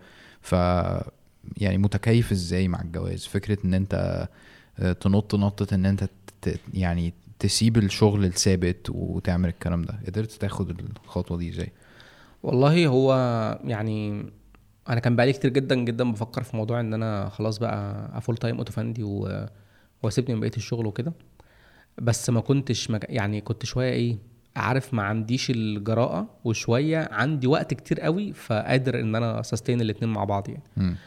آه وبعدين بصراحة في نص الخطوبة تقريبا ابتدى أوتوفندي ابتدى يبقى فيه deals موجودة ابتدى يبقى فيه sponsors ابتدى الموضوع نوعا ما يمشي شوية. وكنت شايف بقى ان إن دي بداية السكة إن أوتوفندي بيصرف على نفسه إن هو بيدخل دخل كويس فأنا أقدر أسيب الشغل ال full time وأشتغل freelancing جنب اوتوفندي فيبقى هو بيصرف على نفسه أنا مش مش محتاج أصرف عليه ولا كده يعني وأنا خلاص ب sustain حياتي بال بالشغل freelancing وممكن كمان آخد جزء من فلوس اوتوفندي يعني. فبصراحه نطه القفزه الثقة ما بين إن أنا أسيب الشغل وأروح اوتوفندي دي حصلت في, في وقت ما كده كنت شوية بشفت من شغل لشغل تاني من شركة لشركة تانية وكنت مضطر إن أنا أقعد إيه شهر أو شهرين كده لغاية أما أروح الشغل التاني يعني. في الفترة دي لما قعدت شهر أو شهرين ولقيت إن الدنيا ماشية تمام وكله زي الفل قلت لأ طب أنا ليه أروح الشغل التاني؟ خلاص هو بما إني مشيت الشهرين دول فأنا هكمل. بس وكملت وابتديت بقى أركز أكتر وبتاع وابتدت الموضوع خلاص يشتغل ويظبط والدنيا تمشي تمام. آه بعد ما اتجوزت قعدت بس فترة عندي مشكلة إن أنا مش عارف أرجع لمود الشغل تاني ومش عارف أرجع أركز تاني وكده. آه بعد شهرين ثلاثة تخطيت المسألة دي وابتديت إيه أرجع أظبط الدنيا تاني. مم. أو بصراحه كان قرار ناجح جدا يعني. كويس. انت قلت عندك حوارات أو أو عندك حاجات تقولها على ال- الجواز فرق معاك إزاي في الشغل أو الرزق أو الحوارات دي؟ فإيه لا رزق الجواز ده حاجة عجيبة جدا جدا. أنا عايز أقول لك إن أنا آه كنت مزنوق جدا في فترة قبل الجواز على طول. كنت مزنوق ماديا جدا وكنت محتاج فلوس بشكل رهيب يعني. وكانت الدنيا معايا مزنقة خالص وملطشة وعارف اللي هو إيه مش مش عارف هظبط الدنيا إزاي في الوقت ال- الفلاني ده لأن أنا حتى كنت بفكر كمان إن أنا أجل يعني. آه، انت ابن الذين على فكرة بتخلي الواحد يقول حاجات. آم، وبعدين فجأة كده سبحان الله لقيت ديل جاية لي من تحت الأرض ما معرفش جت إزاي. آه، وسبحان الله إنها كانت جاية تقريبا بنفس المبلغ اللي أنا كنت محتاجه بالظبط. سبحان الله. فحسيت إن دي علامة كده إيه لا يعني الرزق ده يعني عارف اللي هو إيه ده جاي من بره الجدول. يعني ده. جاي حاجة كده جاية مخصوص للجواز وكده يعني. سبحان الله. آه وبعدين بعد شوية لقيت حاجة تانية مثيلة برضو سدت عجز تاني خالص. وبعدين أدركت بقى إن أنا لأ أنا فعلا أنا دلوقتي بترزق رزق الجواز. ده مش الرزق الطبيعي خالص. سبحان الله. آه الفلوس جاية في وقت كريتيكال جدا آه بقدر غريب جدا عليا. أنا ما كنتش متعود عليه خالص. و- والمبالغ جاية مظبوطة على الحاجات اللي راحة فيها. يعني شيك جاي. آه تحس عارف اللي هو إيه؟ أنا كنت بقول لواحد صاحبي بقول له أنا الفترة دي أنا حاسس إن أنا واقف في النص. يعني هي الفلوس بتجيلي بتعدي تروح لحد تاني. أنا مجرد بس. قاعد إيه بتفرج عليها يعني. آم، أنت عارف اللي أنت قلته ده بي ال- الحديث اللي هو بتاع آه، أنا مش- حافظ الصيغة بتاعته بس آه، اللي هو ثلاثة حق على آه، على فيما معناه. آه. آه، تلاتة حق على ربنا إن هو يدعمهم أو كده. آه، فواحد منهم واحد عايز يتجوز. ففعلا ربنا يعني وانت بتقول الكلام ده هو ده الوعد اتحقق كده. بص الله. أنا عايز أقول لك حاجة من ضمن الحاجات اللي تموت من الضحك يعني أنا في ديل عملتها الفترة دي وال... والعادي إن إحنا بنعمل الديل بنتفق ب... ممكن ناخد deposit ممكن لأ نبدأ نشتغل نخلص ن... كده يعني. لقيت الشخص بيقول لي إيه؟ آه، دي الفلوس upfront فبقول له طب ليه إحنا ما اشتغلناش؟ قال لي أصل مش عايز اوجع دماغي بتاع الفلوس ده خد الفلوس ونبقى نشتغل براحتنا. تمام؟ أنا عايز أقول لك ان الراجل ده مثلا استنى لغاية بعد الجواز يعني إحنا استناه على الشغل كتير جدا على ما الشغل خلص وال deal تقريبا تمت بعد الجواز بكتير بعد الموضوع بكام شهر. وما كانش ممتعض خالص ولا كان متضايق خالص وكان شايف إن هو قشطة جدا إن أنت خدت الفلوس upfront وبتاع. وأنا الله. كنت مستغرب أصلا إن في حد هو بنفسه اللي بيقول لك خد الفلوس upfront وما عنديش أي مشكلة نبقى نشتغل براحتنا وكده. زي ما يكون هو ربنا خلاص طلع الفلوس دي من رزقه لرزقي عشان تروح في الحتة اللي أنا محتاجها فيها دي و... ونبقى نعمل ال deal بعدين بقى بعد الجواز مش مشكلة يعني. آه أنا من كتر الشغل اللي جالي في الفترة دي ومن كتر ما أنا كنت مضغوط جدا من كتر الشغل اللي جالي في الفترة دي أنا كنت شغال لغاية آه يعني آه أنا فرحي بكرة أنا النهارده بالليل كنت قاعد بمنتج فيديو. والله العظيم. لدرجة إن أنا كانت كانت الحنة بتاعت العروسة ما رحتش كلمتها قلت لها أنا قاعد بمنتج. قالت لي أنت بتتكلم بجد؟ أنت بتتفرج؟ أنت مش هتيجي الحنة عشان قاعد بتمنتج؟ قلت لها أنا قاعد بمنتج. أنا يعني قاعد هو بمنتج. العريس بيروح الحنة أصلا؟ المفروض إن أنا أروح بقى أسلم وبتاع وكده يعني. ف... فقلت لها مش هاجي يعني. أنا أنا فعلا قاعد بمنتج دلوقتي يعني. ف... فلا الموضوع كان عجيب جدا جدا. سبحان الله. أنا أنا جبت بدلة الفرح بتاعتي. آه لا آسف. الكلام ده كان يعني ما بيني وبين الفرح بيوم. يعني النهارده أنا ببقى بنتج آه بكرة يوم وبعد بعد بكرة الفرح. مم. أنا جبت بدلتي النهارده بالليل وبكرة فرحي. لدرجة إن الراجل حتى كان بيقول لي بص هي البدلة ممكن تتظبط. فسيبها لي أظبطها. فبقول له هتدهني إمتى؟ قال لي تعالى بكرة. قلت له أنا فرح بكرة. أنا بتهيألي بتهيألي كلنا كلنا عم بنعمل الحركة. إن أنت بتجيب بدلة قبل الفرح بيوم. أنا عملت كده برضه. آه أنت دلوقتي آه الوقت اللي أنت بتديه للشغل بعد الجواز اتغير بأي طريقة؟ كتير اتغير كتير. الجواز بيفرض عليك إن أنت يبقى عندك وقت للبيت. آه يعني لما كنت عايش مع أبويا وأمي أنا كنت عايش في شقة لوحدي بس آه، في نفس البيت مع أبويا وأمي يعني. آه أنا موجود أنا بره أنا رجعت متأخر أنا رجعت بدري. آه حسب ظروفي بنزل أقعد مع أمي وأبويا وأتواصل معاهم وأتغدى معاهم أفطر معاهم أفوت يوم عادي أشوفهم بالليل أشوفهم بكرة. في الجواز لا مفيش الكلام ده. انت يوميا لازم تكون موجود في البيت آه، قدر من الوقت آه، لازم تخصص آه، وقت لمراتك لازم تقعد في الوقت ده سواء هتتكلموا وهتسمعوا وهتقعدوا مع بعض quality time يعني. واسبوعيا عندك مهام سواء انت هتخرج سواء انت في حاجة في البيت معينة عايز تعملها توضبها عندك سواء بقى انت عندك مشاوير زيارات عائلية لأهلك أو لأهلها. فكل ده وقت اتخلق في أسبوعك ما كانش موجود أصلا الأول. مم. انت كان يوم الجمعة ده بالنسبة لك هو يوم النوم. أصبح دلوقتي هو في زياره عائليه لازم تتم يوم الجمعة. مم. آه، أو في حاجة في البيت أنت محتاج تعملها يوم الجمعة. لو أنت في الأول كان آه، ما, ما اسمه ده محتاجين يا أحمد نعمل كذا طب ما بابا موجود بابا هكلم صنايعي يا بابا وهاته ويعمل كده دي. لا ما أنت دلوقتي مفيش بابا أنت اللي هتجيب الصنايعي وأنت اللي هتقعد معاه فاهمني؟ آه فده وقت كبير طلع من أسبوعك للكلام ده. فأنت مع الوقت بتحاول تنظم حياتك وتنظم مسؤولياتك على الوضع الجديد ده ويبقى الشغل هو مجرد آه، أوقات في النص. يعني مثلا أنت عندك مسؤولية ما الصبح فأنت بتعمل المسؤولية دي وبعدين بتشتغل لغاية مثلا عندك مسؤولية تانية بعد الظهر أو آه، هترجع البيت عشان وقت الغداء المعين. آه، أو انت وراك بقى ميتنجز فانت عامل حسابك ان انت هترجع بالليل في وقت معين عشان يبقى في مثلا ساعتين بالليل في البيت.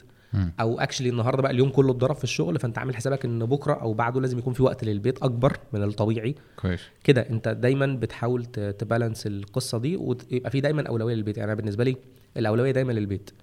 آه مش للشغل. حلو. بس انت مفيش روتين معين؟ يعني ما بتقولش مثلا هخرج من وقت كذا لوقت كذا انت كل شوية بتعدل. آه لا خالص. أنا أنا شخص فوضوي جدا جدا. آه ومن الناس اللي ما بيعملوش الحاجة غير في آخر لحظة. آه أو يعني actually مش آخر لحظة بعد آخر لحظة. أنا عايز أقول لك على حاجة مهمة جدا. إن حازم النهارده صحاني من النوم بعد ما عدى بنص ساعة. ف... فده indication أنا عايز أقول لكم حاجة أهم إن إحنا اللقاء ده إحنا بنحاول نرتب له مثلا بقالنا أربع شهور أو ثلاث شهور آه حاجة كده. وكل شوية حاجة تفكس. وآخر مرة أصلا يعني انت من أسبوعين مثلا آه أنا كلمتك برضو يوم ما أنت كنت جاي قلت لي أنا سقطت خالص. آه أنا أنا نسيت الميعاد تماما. يعني فوجئت بيك آخر النهار بتقول لي إحنا كان ميعادنا النهارده وأنا ما قلتلكش آخر النهار أنا قلت لك الصبح بس أنت برضو ما شفت آه شفت الرساله آخر النهار. ففي حاجة كده مش مظبوطة في الحوار. أنا للأسف فوضوي جدا في الوقت. أسوأ مشاكلي في الحياة يعني وأسوأ عيوبي موضوع الوقت. امم آه كويس. آه كنت عايز أسأل حاجة مهمة. آه لا ما كنتش عايز أسأل حاجة. أنا كنت عايز أقول يعني أقول ستيتمنت كده أو حاجة آه، حاجة نستوعبها مع بعض و... و... ونحمد ربنا عليها. هي فكرة إنه اللي إحنا بنعمله آه هو شغلنا بس في نفس الوقت هو مش شغل. عارف؟ اللي هو أنت بت... أنت بتنزل سوق عربيات فعلا وبتصورها وبتقعد تنتقد ومش عارف إيه وبتاع. آه وأنا بعمل إيه؟ بجيب ناس اتكلم معاها وخلاص واقعد نقعد فاهم؟ نبص على العالم من فوق ويا مش عارف إيه وبتاع. فمحتاجين الحمد نقول الحمد لله جدا. الحمد لله. آه ان ربنا كرمنا بان إحنا وقتنا بنقدر نعمل فيه اللي إحنا عايزينه. آه واللي بيتفرج علينا برضو و... وربنا كرمه بدوت المفروض ان هو يعني يوقف لحظة كده ويستوعب النعمة اللي فيها. لأن انت آه أو أنا هتكلم عن نفسي يعني أحيانا كتير بدور على حاجة تضايقني عارف؟ اللي هو بس النهارده الدنيا مش ظابطة قوي يعني امبارح فاهم؟ تاسكاتي كتير قوي النهارده اللي هي ساعتين ساعتين زيادة مثلا رز ده ناقص ملح ليه فبس فالحمد لله بس الحمد لله. يعني. أنا برضو عايز أضيف حاجة تانية إن إن يعني في ناس بتبقى محظوظة شوية إن هي دايما شغلها كويس في ناس محظوظة أقل شوية إن هي بتشتغل عدد سنين طويل فحت وردم لغاية ما يوصلوا المرحله دي وفي ناس آه، حظها أقل شوية في حتة الشغل دي إنها طول عمرها بتشتغل الشغل المرهق ده وما بتوصلش لمرحلة الراحة دي يعني. أنا أنا من الناس اللي في النص يعني أنا اشتغلت 11 سنة أو 10 سنين قبل ما أوصل لمرحلة إن أنا آه، أشتغل يوتيوب وبتاع وكده يعني. آه، فأنا مقدر جدا جدا النعمة اللي أنا فيها. هي نعمة كبيرة جدا الحمد لله فضل عليها يعني. ايا كان الشغل بيجي عليه وقت يبقى مرهق متعب آه، مرهق ذهنيا أكتر منه بدنيا. بالظبط. آه، بس هو في الآخر آه، أنت بتبص النتيجة مرضية. يعني حتى لو حتى لو أنت بتبذل نفس المجهود اللي بيبذله حد شغال في شركة هو في الآخر بيبص على شغل مش بتاعه. أنت بتبص على شغل بتاعك أنت وتبقى سعيد بيه جدا وحاسس إن هو بي بينسب لك. وكفاية ال comments أنت لو بتشتغل أي شغل عادة آخرك إن مديرك يشكرك أو حد حواليك يشكرك. أنت يبقى في 500 600 واحد 1000 واحد بيشكروك. في الفيديو. فدي لوحدها نعمة كبيرة جدا يعني.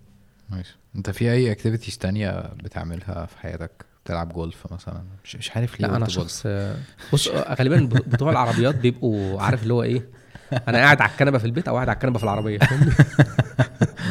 أنت بتحب الكنب جدا. جدا. nice. آه خليني أبص على الأسئلة كده بصة سريعة. آه من من ضمن الحاجات برضه أنا كنت عايز أسألها لك فكرة إن أنت بت كل يوم بتخرج مع واحدة وبعد كده بترجع ل... أنا مش قصدي واحدة بنت طبعا يعني. وبعد كده بترجع للايه ده نوسة. اسمها كده؟ آه. أوكي.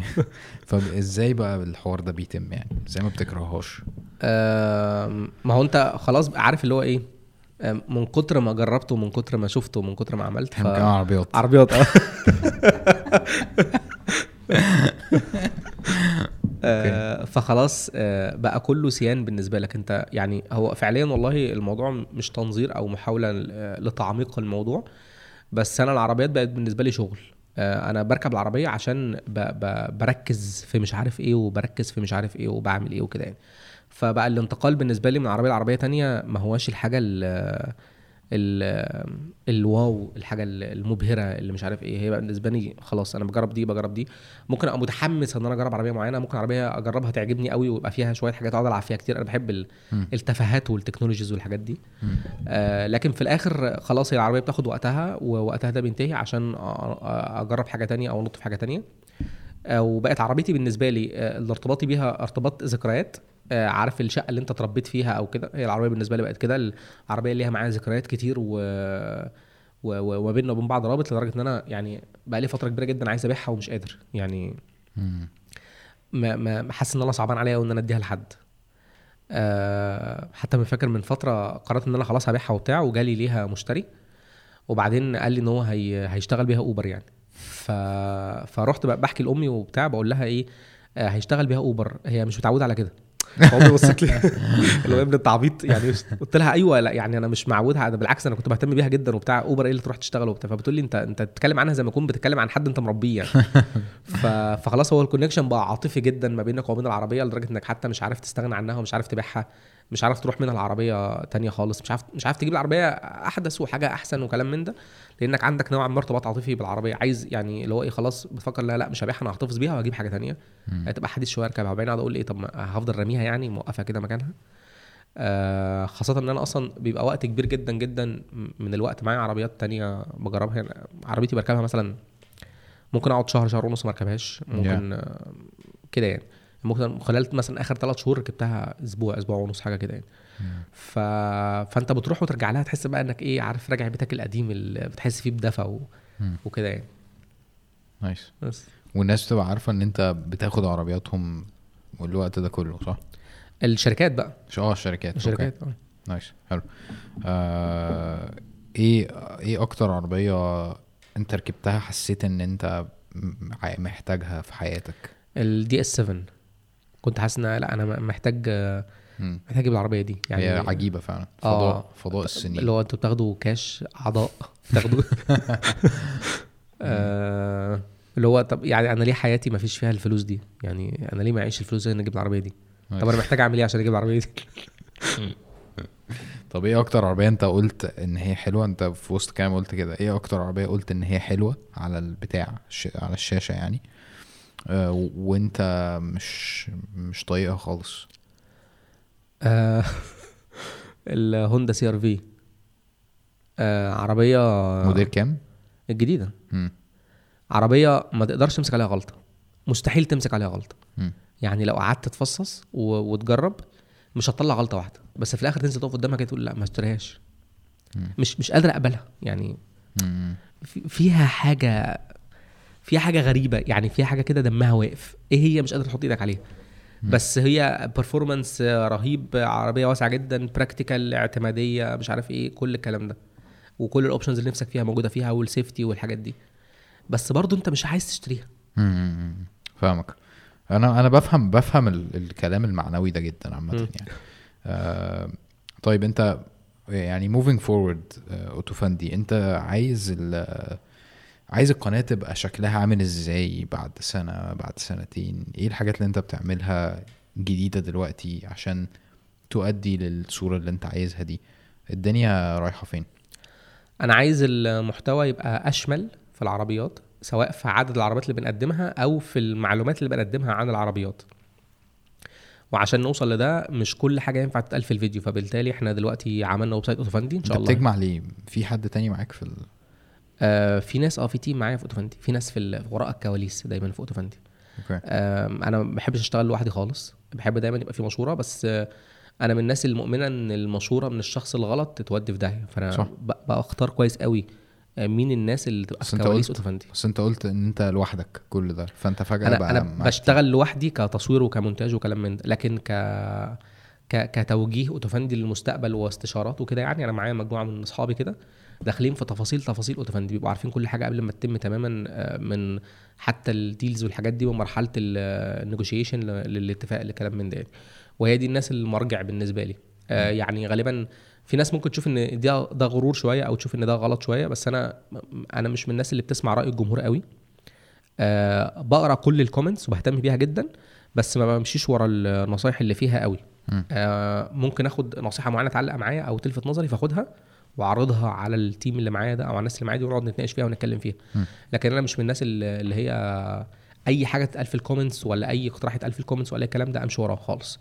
أه لأن أنا already عندي plan ماشي عليها. عارف أنا رايح فين وباصص للهدف اللي أنا رايح له. فمش أي حاجة تحدف لي في السكة كده اخدها معايا يعني. الحاجة التانية برضو إن أنا بشوف إنك ساعات ما ينفعش تقدم نصيحة لحد أو توجه حد لما تكون شايف الصورة كلها. لكن مجرد إنك شايف بس جزء معين أو حاجة معينة أو كل اللي أنت بتشوفه هو المنتج النهائي ده ما يديكش برضو insight قوي إنك تعرف توجه الدنيا. ف فمع ال team ده بحاول نتكلم دايما ونتناقش في كل القرارات اللي بناخدها الحاجات اللي هتطلع. دايما بيشوفوا ال videos قبل ما تطلع أصلا عشان يقولوا رايهم فيها وفي يوم من الأيام هطلعهم إن شاء الله وأوريهم للناس يعني. دول team حقيقي ولا دايرة ثقة بس ولا؟ دول دول دايرة ثقة. لا هم مش بيشتغلوا في أوتوفندي هم ليهم أشغال مختلفة جدا. okay. آه بس هم دايرة ثقة جدا بالنسبة لي سواء في فهمهم للعربيات م. أو في فهمهم للمحتوى أو بمعرفتهم بقى بكل تفاصيل أوتوفندي okay. الداخلية. دلوقتي إحنا عملنا website أوتوفندي إن شاء الله هيطلع قريب. ده هيكون فيه محتوى أغنى من محتوى الفيديوهات. آه سواء في تفاصيل أكتر عن العربيات أو معلومات ما نقدرش نقدمها جوه الفيديو بحيث إن الفيديو يحافظ على الشكل الاحترافي بتاعه ده. م. الحاجات التانية اللي محتاجين ندخلها ندخلها عن طريق ال written reviews على ال website وهيبقى في, في ناس غيرك بتكتب. هيكون في بقى فريق تحرير موجود في ال website ماشي. آه وهيكون في services تانية موجودة في ال website سواء مقارنات بقى أو معلومات أو اسعار أو حاجات من دي يعني. الاوتوفندي عايزه يروح له آه، يروح ل production أحسن لحجم إنتاج أحسن. آه، لأفكار متطورة أكتر. آه، بس ده للأسف يعني محتاج شوية تطور محتاج شوية خطوات تحصل أول عشان نوصل لده يعني. مادية بس؟ ما لأ مادية و... وتشاركية. محتاجين ندخل partnerships مع مع حاجة مع شركات معينة بحيث إن إحنا نقدر نقوم بده. آه وعشان ده يحصل بالشكل اللي أنا عايزه زي ما كنت بتكلم في الأول. محتاج توصل لحجم معين عشان تقدر تحط شروطك فتبدأ تنفذ ده بالشكل اللي أنت عايزه. آه فأنا بحاول أوسع اوتوفندي وأكبره عشان يوصل للمراحل دي. آه وأنا ما عنديش الطموح خالص بتاع إن أنا أروح التلفزيون بقى والحاجات دي. أنا م. أنا كل طموحي ده عايز أنفذه اونلاين هنا. الناس راجعة من التلفزيون أصلا على الانترنت فأنا مش مش هاخد السكة بالعكس يعني. مم. حلو جدا. أنا ببص على الأسئلة كل شوية عشان أنا أنا عاده ببقى مظبط الأسئلة قبل اللقاء مثلا بيومين ثلاثة وبتاع فبتبقى حاضرة في ذهني. فأنا كاتب الأسئلة دي مثلا من ثلاث شهور ولا حاجة. آه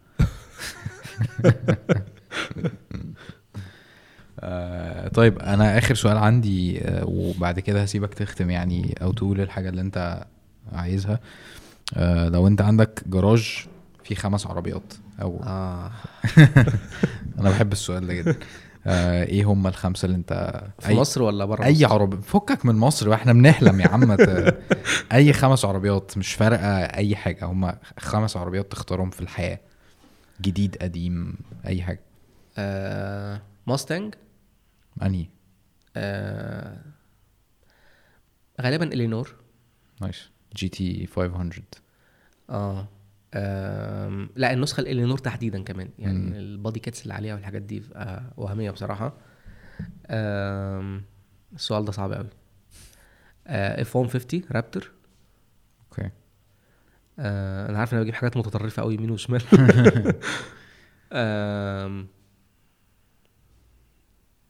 ماكلارين 720 S. okay. إحنا كده ثلاثة صح؟ امم okay. أنت كده ما جبتش حاجة عائلية خلي بالك. ما أنا لسه جاي لك بقى في ال في ال SUVs SUV غالبا رانج روفر Vogue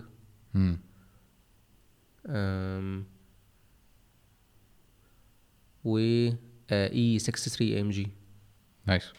اللي كانت مع كلاركسون وبتكرهها ومش كده؟ آه لا الجديدة بقى. آه كان معاه ال Black تقريبا. آه الجديدة بقى all-wheel drive هو كان معاه ال CLK Black CLK آه. أيوه أيوه صح. وكان بيشتكي من الكراسي لما جاب شوية حجارة وقعد عليها وقال لك إن أيوة، القعدة على الحجارة دي زي الكراسي. nice. حلو. بس هي ال list ة دي بتتغير كل شوية بس يعني جدا آه. لازم نقف وقفه كده. لا هو وبعدين هي كل عربية في ال list ة ليها ليها استخدام معين. يعني بالظبط، ال- ال- صح. ال- ال muscle القديمة دي للطلعات بتاعت بالليل والصوت بتاع ال muscle والحاجات دي. ال 720 لل pure performance ال Raptor لما تخش بقى صحراء وتنطيط و dunes وعايز تجري يعني. الرينج روفر الاستخدام بتاع جوه البلد والسفريات والحاجات المريحة. وال E 63 ال- السيدان بقى بتاعت ال performance ال style وفي نفس الوقت nice عاش. drifting وبتاع. آه، بما انك ما سألتش فأنا هقول برضو الخمس عربيات بتوعي. إيه يا حازم الخمس عربيات اللي تحبهم آه، أول واحدة آه، فيراري 250 GTO اللي هي القديمة خالص. اللي هي ال- الانسيابية دي. آه، ولو ما لقيتهاش ممكن لامبورجيني ميورا يا سيدي القديمة قوي برضو. آه، تاني واحدة ال- المرسيدس G-Class اللي هي الباص الكبيرة دي المربعة دي. اي ام جي بقى. آه اي ام جي طبعا يعني. آه العربية العائلية BMW M3 okay. دي العائلية okay عشان فيها أربع أبواب. آه وشنطة ورا وبتاع. آه كده ثلاثة which my my all time favorite super car Pagani Zonda F دي ما يعني ما فيش بعدها تاني يعني. طب ليه مش ال Huayra مثلا؟ لا ال Huayra ما, بحبهاش قوي زي ال Zonda. أصل أول ما نزلت كانت كانت حاجة آه. متخلفة. لا وبصراحة ال V12 بتاع AMG اللي موجود فيها صوته بالظبط. صوته رهيب. واللي هي انت راكب عربيه فورمولا 1 بيزك لا لا عجيبة جدا عجيبة. ال Huayra يعني فجرة طبعا كويس بس ما, ما عملتش نفس ال impact بتاع ال Zonda فاهم؟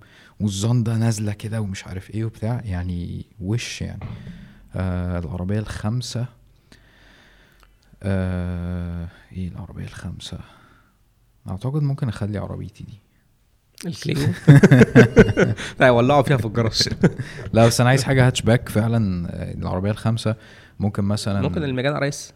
Megane RS آه ممكن, ممكن جدا. ال Focus ال ST ال ST ال Focus ال RS كمان.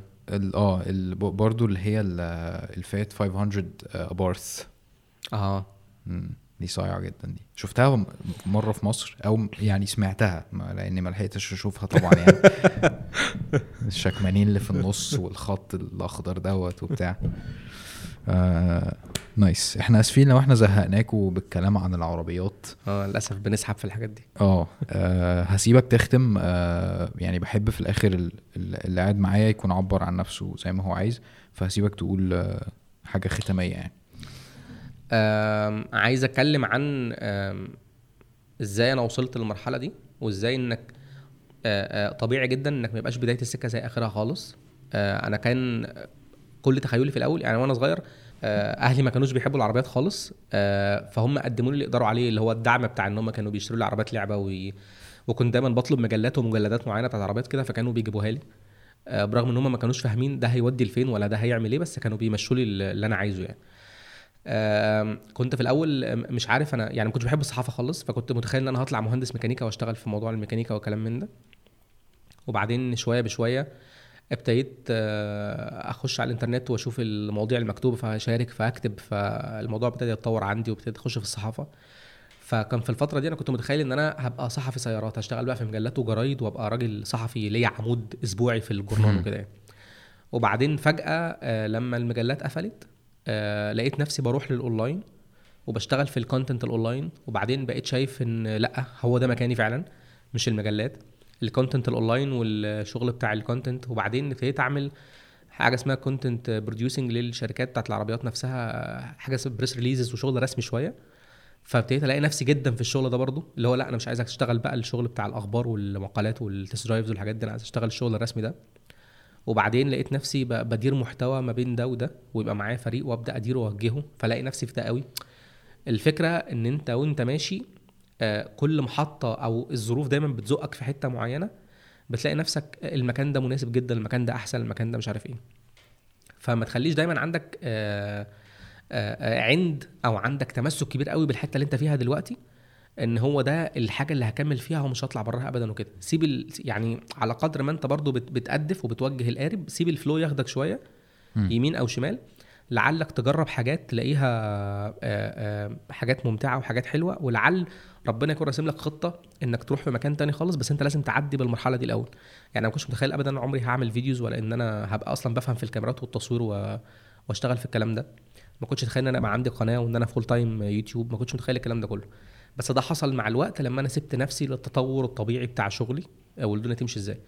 فللأسف أنا بقابل ناس كتير. بلاقي عندهم المشكلة دي ان هو حاطط قدامه شغلانة معينة هدف معين حاجة معينة أنا مش مش هحيد. أنا هو ده هروح له هروح له. لأ. هو أنت ممكن تروح لده مش بطريق مش بطريق مباشر ممكن تلف على مئة ألف حاجة عشان تروح لده. أو ممكن تبقى أنت أنت رايح لده أصلا سكة تاخدك في حتة تانية خالص تلاقي أحلى بكتير من اللي أنت كنت رايح له.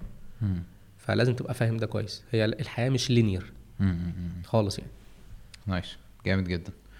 آه، اتبسطت جدا إن إحنا أخيرا عملنا ال- اللقاء ال- ال- الحلو ده.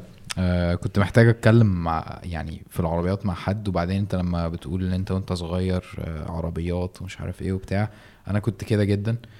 آه، وما يعني ما عملتش بيها حاجة بروفيشنال في حياتي بس في نفس الوقت هي فرقت معايا في شخصيتي وفي إن أنا ألاقي حاجة أحبها. فاللي أنا هعمله دلوقتي إن أنا هروح أجيب عربية لعبة وأطلع آه، ألعب بيها مع بنتي إن شاء الله. إن شاء الله. ممكن هي تطلع بقى بتفهم في العربيات. أتمنى ده يعني. عاش. آه ربنا يخليك يا حازم. بس. على الاستضافة الجميلة دي. حبيبي. طبعا الليسته بتاعتي أجمد من ال- الليستة بتاعتك يا أحمد الصراحة. آه، يمكن عشان كنت مفكر في الحوار وبعد كده ثبتك مش عارف الصراحة يعني بس آه، آه، أنتوا ممكن تقولوا رأيكم في الموضوع ده. آه، استمتعت بالحلقة دي استمتعت بالكلام عن العربيات جدا يعني. كان بقالي كتير ما عملتش الحوار ده. أتمنى تكونوا اتبسطتوا بالحلقة. بفكركم تاني إن أنتوا ممكن تسمعوها على ال apps بتاعت البودكاست وبفكركم بال sponsor بتاع الأسبوع ده كفيل dot com A F double E L dot com ال links آه، بتاعت كل الكلام ده في ال description حابب أشكر ال- الناس الجامدين جدا على Patreon اللي بيدعموني وبيدفعوني وبيشجعوني و من من أمتع الحاجات ال- اللي بعملها الأيام دي هي ال Q&A بودكاست اللي على Patreon بحس إن أنا يعني بكلم صحابي جدا يعني هما بيسألوني أسئلة وأنا بجاوب عليهم بأريحية تامة يعني آه، وبيبقى conversation حلو قوي. كأنه private podcast أو كأنه بودكاست أنا بس اللي بعمله حاجة شبيهة باللي أنا بعمله دلوقتي يعني.